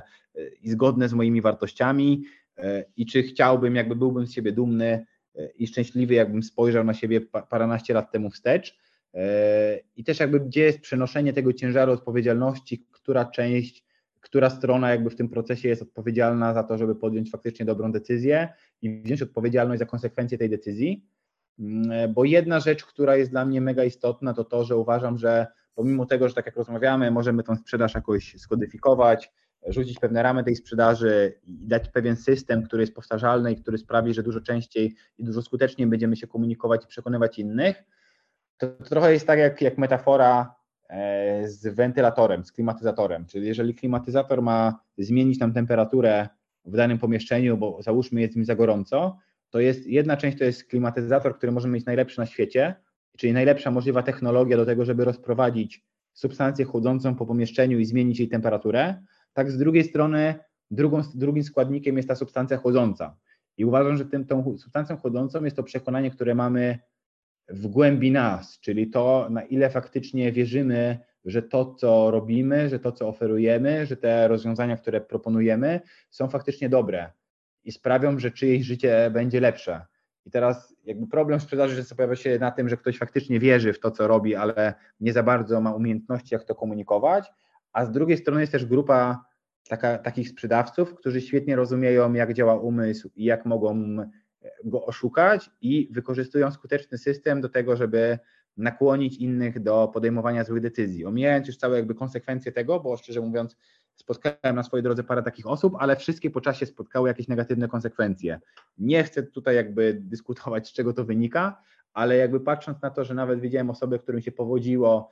ale jakby kwestionowałem trochę, czy to, co robią, jest dobre i że jakby moralnie patrząc na to, to nie jest do końca dobre działanie, to prędzej czy później spotkały się jakieś konsekwencje, więc jakby też od razu odradzam próbowanie jakby wykorzystywania technik sprzedażowych i takich przekonywania do, do, do rzeczy, które nie są dobre. Natomiast bardzo ciekawi mnie też Twoje podejście do takiej e, moralności albo do etyki sprzedaży lub jakichś rzeczy, które zwróciły Twoją uwagę i którymi chcesz się podzielić?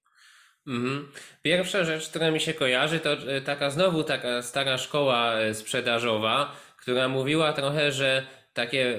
techniki sprzedażowe muszą być w jakimś stopniu oparte na manipulacji, na jakimś wywieraniu wpływu, e, ale nie w sensie takim mm, zdrowym, no bo można powiedzieć, że każda relacja jest jakimś tam wywieraniem wpływu, ale na zasadzie takiej, że musi to być e, usilne, musi to być e, takie pompatyczne przekonywanie, że to, co my mamy, to jest najlepsze na świecie i tak dalej, i tak dalej, i w ogóle nie ma z tym żadnej polemiki, czyli takie nachalne to bardzo często y, tłumaczyło się ludziom, że tak po prostu biznes wygląda, tak sprzedaż wygląda i że jeżeli się tego nauczysz, to wręcz cię to w jakiś sposób nobilituje i czyni cię to bardziej prestiżową osobą, y, bo takie techniki sprzedażowe posiadłeś. I według mnie to jest jakby podwójna patologia, bo nie dość, że się uczy ludzi rzeczy, które są nieskuteczne i nieetyczne, to jeszcze się dorabia do tego ideologię, że tak biznes wygląda i tak to powinno być. A coraz bardziej taki nowoczesny biznes to jednak pokazuje, że wcale tak być nie musi i to jest to, co ty powiedziałeś, że wiele osób, które e, stosowały takie nieetyczne sztuczki, jakieś takie podejście krótkofalowe do tego, nie mm, uwzględniające tego, jak klient na tym wychodzi, jak się finalnie z tym czuje, poniosły jakieś negatywne konsekwencje. I, i wcale mnie to nie dziwi, bo uważam, że wiele jest takich e, patologicznych e, podejść, Natomiast to, co najbardziej mnie kuje w oczy, to jest y, kilka rzeczy. No, pierwsza rzecz na pewno to jest spamowanie, czyli jeżeli ktoś y, stara się być wszędzie, po prostu w każdym możliwym social medium, y, bierze jakiś mailing i wysyła po kilka e-maili dziennie do swojej listy adresowej i tak dalej, to uważam, że to już jest po prostu też nachalność, bo nie na tym polega bycie dla swojego klienta, nie na tym polega jakaś obecność w social mediach, żeby po prostu być wszędzie i na każdy jeden e, temat mieć e, zdanie. Czyli załóżmy, że Lewandowski coś tam powiedział, to ktoś swój produkt podepnie do Lewandowskiego i się jakoś do tego odniesie i nagra filmik. Potem będzie na przykład, nie wiem, mróz jakiś tam w lipcu, zdarzy się jakiś przymrozek i w gazetach o tym napiszą i on do tego tematu też się odniesie i doklei swój produkt. I na tej zasadzie będzie spamował, żeby tylko podpiąć się pod jakieś większe trendy, co swoją drogą jakby ma sens, jakby to jest dobra technika, ale ona musi być też spójna, czyli ten trend musi być faktycznie powiązany z tym, czy do czego jest produkt, a nie na siłę szukać połączeń, byle tylko jak najwięcej naspamować i natworzyć treści, bo to od razu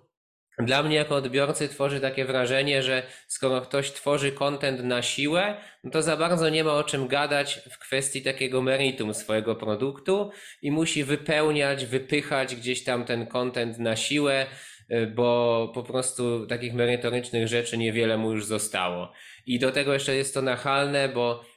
y, sugeruje to mnie, że ja muszę nie wiadomo ile maili przeczytać i od razu jak widzę, że tych maili jest nadmiar, to się z mailingu często wypisuje i nawet jak widzę, że tam jest coś sensownego, to od razu mam w głowie, aha, ja nie jestem w stanie tego wszystkiego przerobić, tego jest za dużo, musiałbym za dużo kontentu łyknąć, żeby doprowadzić do zmiany w swoim życiu.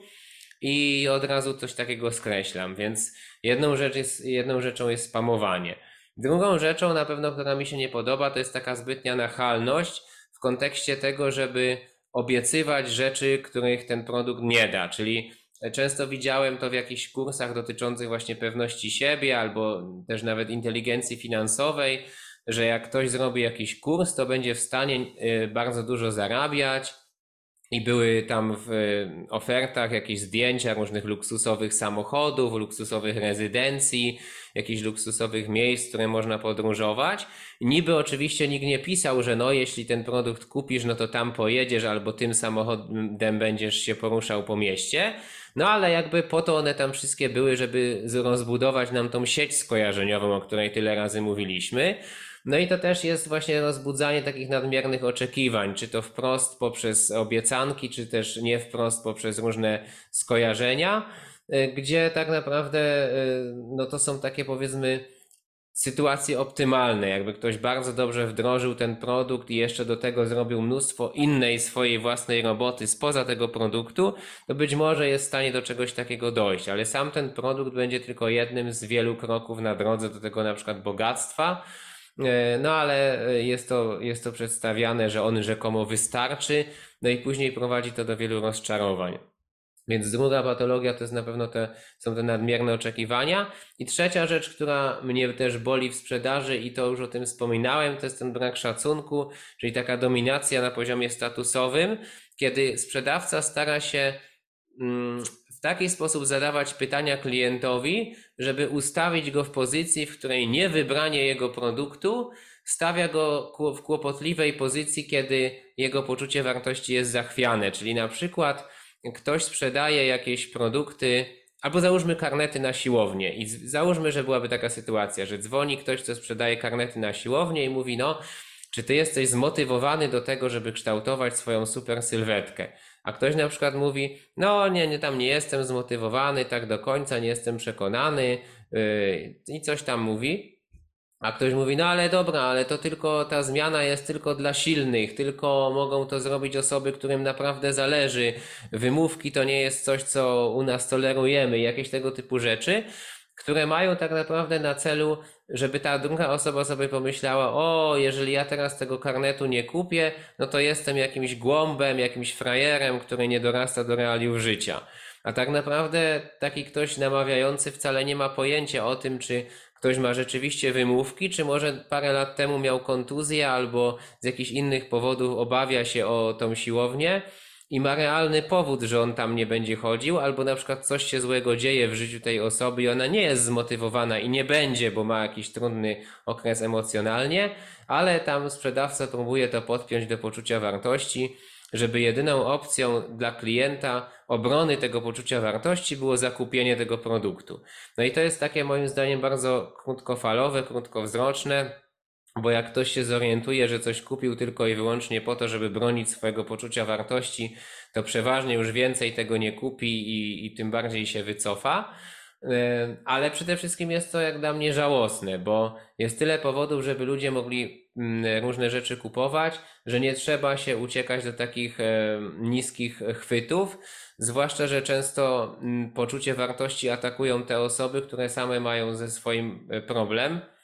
No i, e, i, i to potwierdza znowu to, o czym mówiliśmy wcześniej, czyli to poczucie wartości samego sprzedawcy. I jak e, ja widzę, akurat jestem na to mocno wyczulony, no bo pracuję też z takimi problemami, jak właśnie kwestia poczucia wartości ataków statusowych. Jak ktoś na mnie coś takiego robi, no to od razu, tak jak już mówiłem bo wcześniej, takie czerwone światełko się pali, wielki taki kogut niczym na jakimś radiowozie, że uwaga, uwaga, no tutaj ktoś nie ma pozytywnych intencji, bo jak ktoś już próbuje mi poczucie wartości zanegować, żebym ja coś kupił, no to od razu mam sugestię, że argumenty za tym, żeby sprzedać swój produkt, to on ma raczej słabe.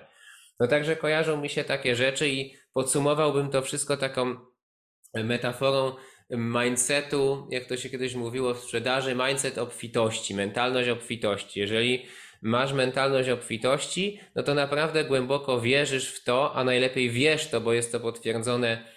Twoimi wynikami, że jest tak dużo ludzi, którzy chcą kupić Twój produkt i którym to naprawdę da E, zmianę e, w ich życiu, że ty nie musisz się uciekać do żadnych sztuczek, tylko po prostu uderzyć do tych ludzi, którzy i tak są otwarci na to i którym to e, uczyni zmianę w życiu, będzie takim game changerem, a nie wciskać cokolwiek komuś na siłę, kto tego nie chce, bo wcale nie musisz tego robić. I taka prawdziwa mentalność obfitości według mnie na tym polega. Także tyle z mojej strony. No i oddaję Ci też głos, bo na pewno pracując praktycznie w sprzedaży, to tych patologii też yy, sporo gdzieś tam widziałeś, ucząc się po prostu tych rzeczy, obserwując innych i, i, i ucząc się na przykładach i antyprzykładach. Super, dzięki. Wiesz co, no ja mam inne jakby przykłady, w sensie in, inaczej moja optyka gdzieś tam jakby wyłapała faktycznie takie, gdzie, gdzie się nadużywa już czysto takiej zrozumienia tego, jak działa sprzedaż i jak działa umysł e, człowieka. Bo jeżeli chodzi o takie właśnie, jak ty powiedzieć na końcu, o, poczuciem wartości, to, no to to zazwyczaj też źle świadczy o takim, znaczy źle świadczy, wszystkie patologie źle świadczą o tym, kto sprzedaje i w jaki sposób to robi. Natomiast yy, czy to jest aż takie dla mnie aż takie straszne? Nie, bo to jeszcze gdzieś tam po części e, da się z tego trochę wyjść. Natomiast bardziej mi kują takie rzeczy, które bardzo zakrzywiają rzeczywistość i są bardzo wyrafinowane. Na przykład mówiliśmy trochę o tym przy pułapkach, chociażby wezmę na, na, na tapetę jakieś inwestowanie i taki influencing, czyli na zasadzie bazowanie na zjawiskach, które są tak naprawdę nieduplikowalne, czyli to, jak zachowała się dana kryptowaluta w przyszłości, ciężko jest jednoznacznie określić, czy ona się tak kiedykolwiek może zachować i na podstawie kto na przykład wnioskuje, że tak się stanie i tworzenie na podstawie tego scenariuszów sukcesu. Czy przedstawianie, że na przykład wybieranie z, albo inaczej, wybieranie z jakiejś puli doświadczeń, którą miałem, tylko tych najlepszych i pokazywanie, że zawsze tak to wygląda. To jest jeden z takich schematów, które widziałem, czyli prezentowanie tylko przez pryzmat sukcesu, nie pokazywanie pełnego obrazu rzeczywistości. Drugi, to co mówiliśmy też, co ty powiedziałeś, to jest kłamanie wprost, czyli nie mówienie wszystkiego, że ten produkt nie rozwiąże pewnych rzeczy, tylko e, sprzedawanie takiej wizji, sprzedawanie wizji, która nie ma całkowicie pokrycia w rzeczywistości, co też w ramach obrony przed manipulacją warto stosować to, żeby sprawdzać wiarygodność rozmówcy, czyli po pierwsze na ile miał podobnych projektów, które robił i na ile faktycznie one odniosły dany rezultat i też dzielenie na przykład dużych wizji na małe kroki, czyli skupianie się pierw na małym kroku, a nie na wielkich wizjach. Eee, dwa, to, to, to są wszystkie takie schematy, które bazują właśnie na tym, że rozumiemy na zasadzie jak zgeneralizować albo nie mówimy pewnej, pewnych, pewnych informacji, które są kluczowe z punktu widzenia decyzyjności. Czyli jeżeli sprzedawałbym, nie wiem, jakiś kredyt i byłaby ukryta opłata za coś, ja o tej opłacie nie powiem, no to to jest dla mnie taki bardzo szary albo czarny marketing, bo to jest sprzedawanie e, pewnego produktu, który zawiera w sobie ukryte koszty i ukryte konsekwencje, których nie dokomunikowałem. Ja jakby z perspektywy mojej moralności, bo takich przykładów mógłbym tutaj podawać dużo, staram się tę odpowiedzialność brać zawsze na siebie, czyli ja sprzedaję tak, jakbym sprzedawał samemu sobie, czyli dostarczyć pełen obraz rzeczywistości i wręcz pokazać często, i z czym się mierzyłem też w moich poprzednich pracach, dlatego z nich często odchodziłem, żeby pokazywać klientom potencjalne negatywne konsekwencje tego, jak to się może stać. Czyli pokazać, że oczywiście mogą wygrać stosując dane rozwiązanie, mogą przegrać stosując dane rozwiązanie i na ile czynników mamy wpływ, a na ile wpływu nie mamy. Bo chociażby jakbym patrzył na fotowoltaikę, edukowałem swoich klientów, że prąd drożeje w Polsce o 5% w skali roku, ale mimo wszystko rozwiązanie ma sens i pokazałem jego opłacalność na realnych danych. Czasy pokazały, że prąd na przykład zdrożał 50%, więc oni wygrali więcej. Natomiast zawsze edukowaliśmy, ja przynajmniej edukowałem klientów w taki sposób, aby rozumieli, e, że jest pewna rzecz zależna od sytuacji, że, że nie wiemy tego jak, jeszcze, jak pewne rzeczy się wydarzą, i że mówienie tego, że wiem, jak to się wydarzy i przedstawianie tego w jak najlepszych barwach jest po prostu kłamaniem. Co nie znaczy, że tak się nie może wydarzyć. Więc dla mnie takie, takie rzeczy są bardzo istotne, żeby po prostu przedstawiać pełen obraz sytuacji i również edukować po części z negatywnych konsekwencji tego, co się może potencjalnie wydarzyć. Oczywiście nie skupiać się na nich w pełni, ale trochę też o nich wspomnieć, a szczególnie robić to w przypadku kiedy jest to jakby rozwiązanie, które długofalowo chcemy sprzedawać. Lub nawet może nie, że mówić o tych negatywnych konsekwencjach, tylko bardzo uważnie sprawdzać, czy faktycznie to rozwiązanie jest dobre dla danej osoby. Bo bardziej patrzę na to, aniżeli mówienie o negatywnych konsekwencjach, bo byłaby to trochę antysprzedaż, ale biorę jakby na siebie odpowiedzialność, żeby sprawdzić możliwe scenariusze i na tyle szczegółowo dopytać swojego rozmówcę, aby być w miarę pewnym, e, że to rozwiązanie jest najlepszym, które może on wybrać. Czyli ja spłycając to najprościej, sprzedaję tak, jakbym sprzedawał samemu sobie. Czy tak, jakbym chciał ja podjąć dobrą decyzję. I tak naprawdę, jeżeli chodzi o takie kwestie etyki, to my więcej powiedzieliśmy też trochę w pułapkach sprzedaży na ten temat, więc można sobie do tego podcastu wrócić.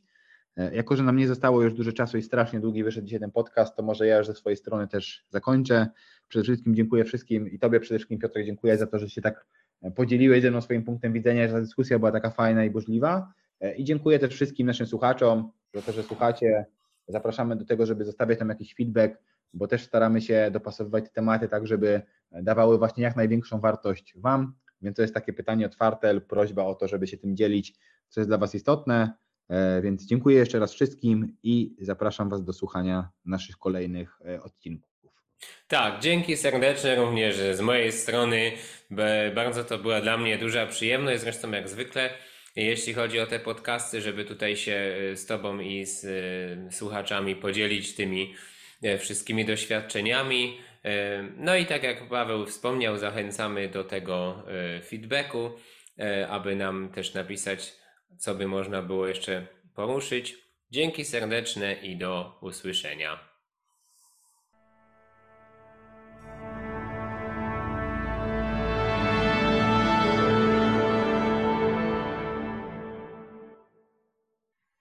Zmianie na spontanie.